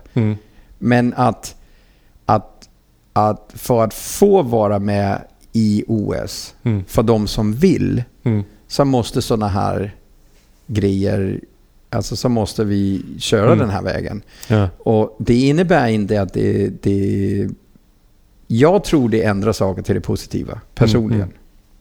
Ehm, det är klart jag har farhågor, Mm. alltså som, som alla har. Mm. Men, men om, vi tar, om vi tar exemplet med Vans Park Series, Mm. som har varit en invitational tävling. 15 personer blir inbjudna. Mm. Den är sponsorstyrd. Det är eh, Street League samma. Mm. Eh, Alla i Street League, nästan alla har Nike. All, nästan alla har Vans i Vans Park Series. Mm. Och sen släpper de in fem stycken andra. Mm. Och X-Games finns- är ju också så. Ja, X-Games är också så. Det vill säga, det- och det sitter de helt eh, grymmaste skateboardåkare runt om i världen Mm. som inte är bjudna med på några av de här eventsen Mm. bara för att de har fel sponsor eller Mm. för att ehm, de inte drar tillräckligt med publik. Mm. Och, och i mina ögon så är det inte skate. Mm. Det är inte skate i mina ögon att eh, utesluta någon Mm. på det sättet. Så vad jag vet redan har hänt är att till exempel, säg att Vans Park Series blir en poängtävling, vilket Mm. troligen kommer att bli för den är så etablerat Mm. inför, bowl, inför bowl-tävlingen. Mm. Så kommer de inte att kunna göra invitational. Då, Mm. är, det, då är det kval och Mm. final precis som vanligt. Ja, precis som Quicksilver Bowl Rider var. ja, och alla får ställa upp. Och det vill säga att... ehm, Den måste vara öppen för alla. Det är Ja. ju internationella olympiska ja, kommitténs krav. Ja, Mm. och, och, och, och till exempel så, så när folk pratar om allt som kan hända så här, där har du en positiv Mm. grej att jag, om jag nu ville säga, vi säger att jag tränar och kommer tillbaka igen, så kan jag ställa upp i Vans Park Series. För jag skulle aldrig bli bjuden annars. Mm. Eh, i 43 år gammal, vet så här, men jag kan göra det. Mm. Ehm, och, och det finns ju jävligt många duktiga skatare på, på elittoppnivå Mm. som inte bjuder med för det är fel. Alltså ni vet ju själv Mm. hur eh, vår bransch kan se ut med, Ja. med, med rätt kläder, rätt sponsor och sådär. Mm. Så, så jag ser positiva delar i allt det här, att man är tvungen att bryta upp det mönstret Mm. och göra det på ett annat sätt. Ehm, Ja, och då, Mm. det jobbar jag på. Jag, ärligt så vet jag inte vad det landar med. Jag kommer att göra mitt, mitt damnedest för att det ska bli så jävla bra som Mm. möjligt. Såklart det kommer. Mm. Det tvivlar ingen på. Nej, Jag känner bara att det ska bli kul att följa det hela. Ja. ja. Det. Nu har, vi, nu har vi två frågor kvar på hela det här formuläret. Vi, har, vi har suttit i tre timmar. Ja, jag och snart, eller om vi kanske till och med gått över tre timmar. Mm. Det är fredagkväll. Jag har en krullhårig katalan som väntar på mig på krogen som dejt. Mm. Ni kanske andra, ni har någon Jag filmgrej tror du här. hade en fru. Jag, jag har också en fru men hon Ja. är hemma och sover. Det, nu, Ja. Jag koncentrerar mig på katalaner ikväll. Mm. Eh, ni hade någon film du skulle gå och kolla på, på Ja, men Hollywood? det är nog för sent. Jaha, ja, ja. Skitsamma, vi har två frågor kvar. Mm. Eh, Det, vi har de två vanliga som vi har haft de senaste gångerna. Mm. Vad är det? Vem skulle du vilja ta med till en öde ö? Skateboardvärlden. Hasse. Ja, Alltså. Hasse, nej vänta nu. Hasse och Putte Backlund, men de får klona sig då som Ja. en. Men, eh, De får nej, bli men- siamesiska tvillingar. Nej, men, nej, men Hasse Hasse, Backlund. Nej, men vi har ju inte pratat om det, men min, min, uh, Hasse var den viktigaste personen genom hela den tiden. Men jag hänger ju i princip nästan hela tiden med Patrik Backlund. Mm. Eh, fantastisk kille. Så, Mm. så, så fick jag bara ta med en så skulle jag, jag vet inte, fan dela dem i två och slå ihop dem. Ja. Det är ett bra svar. Är inte det bra? Jättebra. Det låter superbra. Och, och, och, och sen den sista frågan. Vem skulle du vilja se i podden? Varför var du tar över? Kan inte jag få säga den? Jo då. Kasper, vem skulle du vilja se i podden? Vem skulle jag vilja se, se i Men du podden? måste säga Är det inte, på da- danska också. Men är det Jaha. inte lite konstig fråga? För om man ser någon i podden så måste man vara i poddrummet eller sitta på TV. Vara med och höra i podden eller lyssna på i podden. Nej, alltså grejen är att du ser ju på Instagram så här så Ja, är det ja, alltid en så, bild okej. och sånt. Ja, jag är inte så Nej, modern, jag är men- inte så Instagram Nej, så. vem skulle vilja höra i podden? Eller hur blir det då? Vem skulle vilja höra i podden? Säg det själv. Så vi På får höra danska, vem, vem skulle vilja höra i podden? På danska? Säg det på danska. Wienerbröd? Nej! Nej. Nej. Vem vill du ha med i podden? Ja. Okej. Uh, den är svår? Fordi uh, jeg har Du- jo du- lyttet til Hasses podd, För, kan du inte föreslå en dansk? Nej, Nej. nej. Nej. Jättetråkig Dennis där. Ja. Nej, jag skojar. Ehm, För ingen annan... Hasse har haft ett dubbelavsnitt. Mm, ingen annan kommer ju föreslå en Ja, dansk. men så vet ni vad jag sitter och tänker? Jag sitter och tvekar för att sitta och tänka, jag har inte koll på precis alla som har haft podden. Tänker mig säga någon som redan har haft Ja, liksom. fast det är många Nej, men- gäster som har ja, gjort det. Herregud, vem fan, vem fan har koll på det? Eh, nej, men alltså jag tycker... Uh, förlåt att det är det korta svaret, men för mig, i och med att jag träffade Hasse Lindgren, och det, det var inte så mycket prat om det, men, men det introducerar mig till varför jag känner Peter Klang idag som är med oss idag. Mm. Varför jag känner Hans Gödberg, varför jag känner ja, men alla, hela den generationen av skatare eh, skulle jag säga till stor del är tack vare Hasse. Sen har jag ju då fått foten in och börjat jobba på Fryshuset och, och lärt känna värtåkarna för det. Och i dagsläget så är det Putte Backlund som är eh, eh, min, eh, min bästa vän jag hänger med hela tiden och sådär. Så eh, så det är lite bias. Liksom. Alltså det är lite så svårt för mig att säga vem skulle vi se. Nej för, men du behöver inte säga ett namn, du kan säga flera. men alltså, jag, Och glömma någon och sen... Det, alltså, grejen är, Adde, betyder, Adde, du, du, alltså, hat, du, alltså, hatar, du, Adde, du Andreas hatar Engel- ju inte de som du inte säger. ha, ha Adde Andreas Engelkes vara med? Nej. Nej, för han tycker jag... Vilken jävla skejtare. Ja. Herregud Ja, alltså. bra. Bra Skojar, namn. skojar du med mig? Bra namn. Och, och bara person och personlighet och, och Mm. nu har inte jag haft turen att hänga med honom på många år men, men den killen har chockat mig. Nog, utöver Alfonso Rolls Mm. så är det fan Andreas Engelkes som har... Han har chockat många. Så han är som- Sveriges svar Nej, men jag, har, jag har så Al- många Alfonso bilder av han så här, hur många år sedan som helst. Mm. Skate ju snyggt. 99 typ i Fryshuset. Så sitta eh, Engelkes på minirampen, du vet så här. Kommer du ihåg när Värten och Minin var så här rygg i rygg med varandra inne i en lokal? Ja, just det. Ja. Sitter Adde så säger han så här. Vad gör du? säger han. Ah, jag funderar, säger han då. då bara, okej. Så helt plötsligt tyst som man är, ställa sig upp, klicka ut brädan, ingen så här paus på någonting i det här. Droppa in och göra den största frontside kickflip jag har sett i hela mitt liv. Mm. Alltså du vet, in, och inte någon sån där brevöppnare. Mm. Du vet som vi kallar dem för. Ja. Men en riktig frontside kickflip. Du, du vet, fyra skivor bred och sådär. Mm. Och bara så här, jaha. Eh, Sådana exempel, ja, jag skulle nog se Andreas Engelkes. Mm. Eh, Men, men min point med jag sa det här med att introducera till eh, generationen före oss, som har Mm. gett mig mycket kunskap, mycket vetande och mycket bra vänner Mm. för livet. Eh, det är att jag tycker att där finns det väldigt mycket intressanta historier Mm. som jag har fått höra nu i otaliga år. Jag har sett diabilder och Ja. Och grejer. Klangen har ju ett helt jävla bibliotek med bilder från all skateboard innan... Innan kanon var uppfunnen. Ja, exakt. och eh, jag vet att vi klarar det Dennis. Men, Ja. eh, så, Nej, men Patrik. Backlund tycker jag faktiskt också. Ska vara Mm. ärlig och säga. För att han har, han har en historia. Mm. Men så här. Nu har jag gett dig två. Så säger jag tar dem i fel ordning. Trean, Adde. Tvåan, Mm. Putte. Ettan, Mm. Slappo. Slapp på. Ja. Om han vill. Mikael Adolfsson. Ja, om han Mm. vill. Mm. Om han vill. Han har börjat skejta än ju.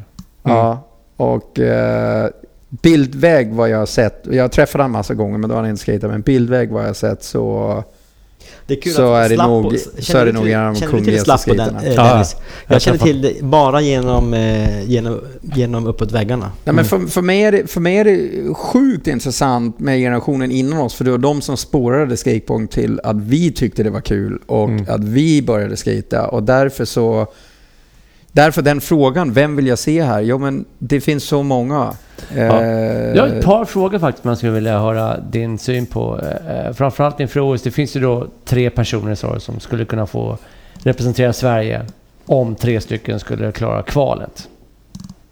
Det är ju max tre per land i skateboard. Ja. David Stenström. Eh, eh,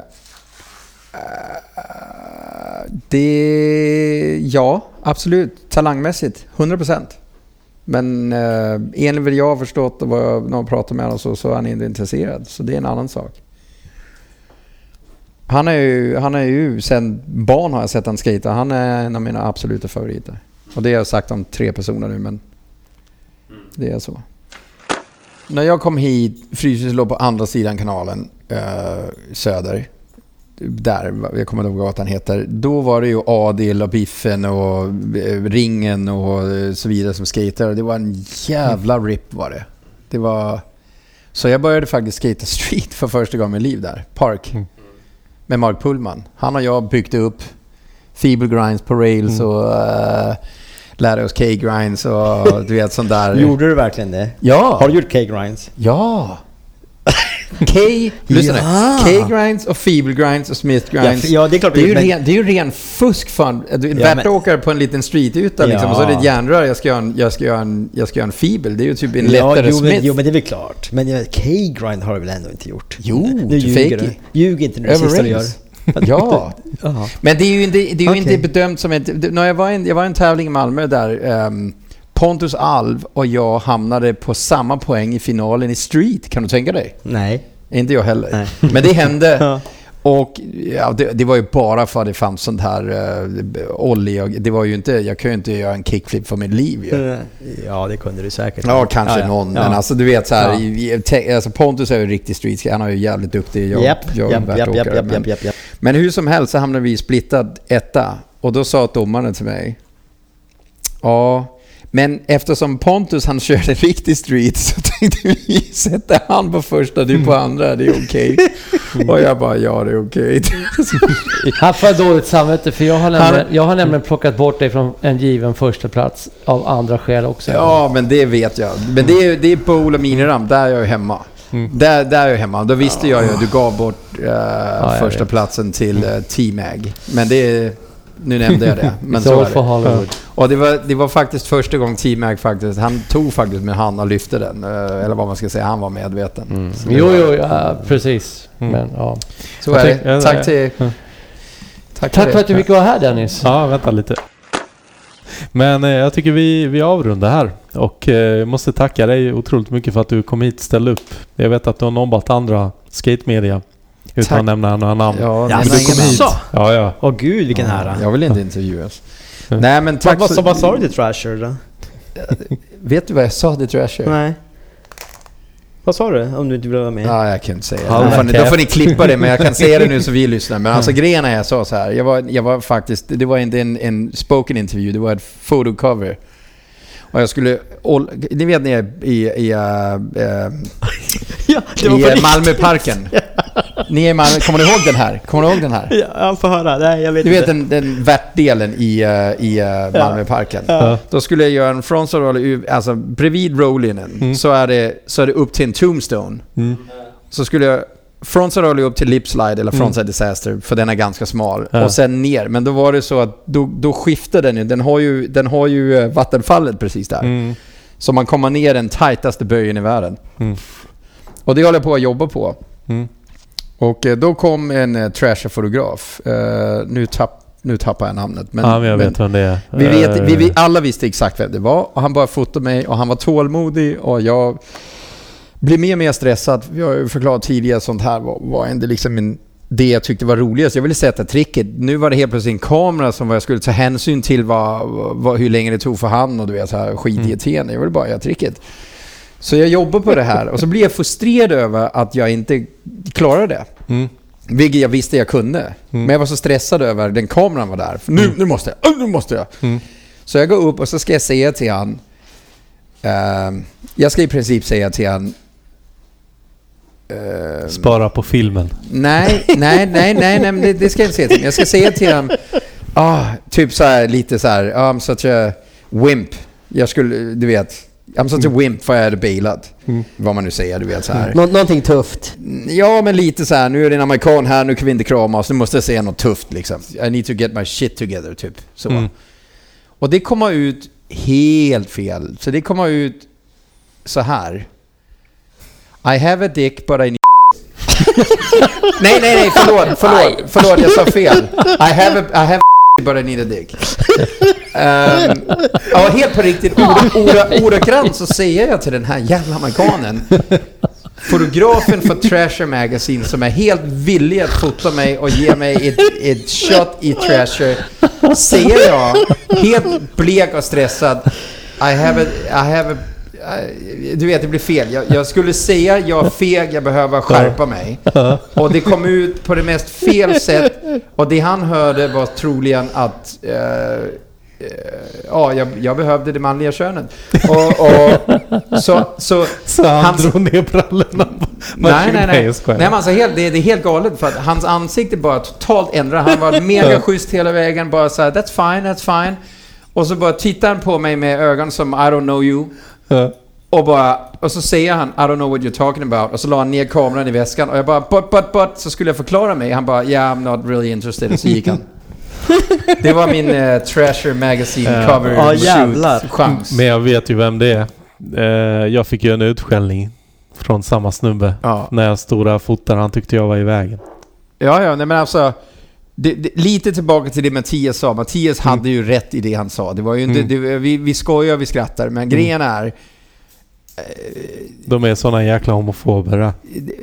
Ja, om man säger så. Och, och du vet, jag är inte det. Du, kramar du en kompis, om jag känt Mattias i 20, 2, 3, 4, 5 år Mm.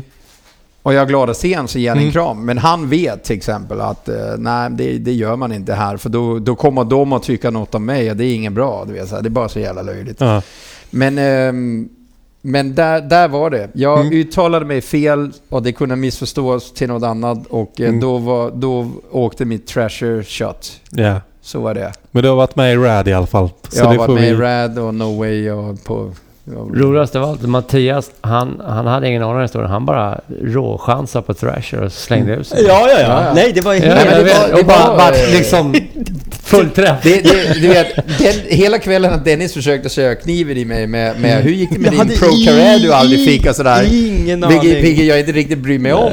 Jag vill bara skata och ha kul. Men, men sen sa du något som faktiskt var på riktigt som bara... Ah, den där var lite jobbig. det, det är en, faktiskt en sak till vi glömt prata om. Men gud. Nej, nej, nej, nej, nej, nej, nej, nej, nej. Nu ska vi... Nu ska vi avrunda. Jag tycker Pet, Peter Klang Okej, förstör. skitsamma. Nej, jag ska... Då får du berätta för mig sen. Ja. Men, men... Ja, hur som helst. Eh, för att avrunda det här på riktigt. Har, någon... Tänk om jag hade sagt fel egentligen. Eh, Nej, han har inga avslutande ord. nej. Nej, har, har du någon du vill tacka? Hasse Lindgren vet vi att du vill tacka Ja. såklart. Nej, men jag vill tacka Patrik Backlund. Mm. Eh, jag vill göra en shout-out till ja, mina arbetskollegor på Fryshuset och alla som bara... Ja, men alla vet, mina vänner, mina, Mm. de jag skejtar med, de jag har skejtat med. Uh, Ricky, alla, alla. Bara tack för en grym tid i Sverige. Det har varit great. Liksom. Och Mm. tack för intervjun. Så det, det, det är så många att nämna. Som jag sa, hela, hela gruppen innan. Peter, eh, Götberg, eh, Mm. Slapp och alltså, hela gänget uppe i... Ja, jag säger alltid Borlänge, men de bor lite utspritt där uppe. Dalarna i alla fall. Ja, men alltså det, det, Norrland. en stor Mm, del tyst. till varför jag är kvar här är ju Hasse och den gruppen och sen Mm. alla jag har skejtat med. Och, eh, till att börja med, så började det. Det är inte, inte nu. Nu har jag min familj och älskar dem och det är Mm. härligt. Så, eh, men tack för, tack, tack till alla som vet. Mm. Kasper, tack som fan för att du Mm. kom hit. Och vi ska följa dig på OS på TV. Ja. Mig? Ja. Ja. Jag ska följa de andra åkarna. Ja. ja det, är du som, det är du som styr dem i rätt riktning. Nej, de styr väldigt bra själv, men jag, jag supportar dem och hjälper dem med något de behöver. Mm. Tack Kasper. Tack. Tack. Och tack Peter. Tack tack Peter. här. Kul att du var här. Kul att vi fick vara här.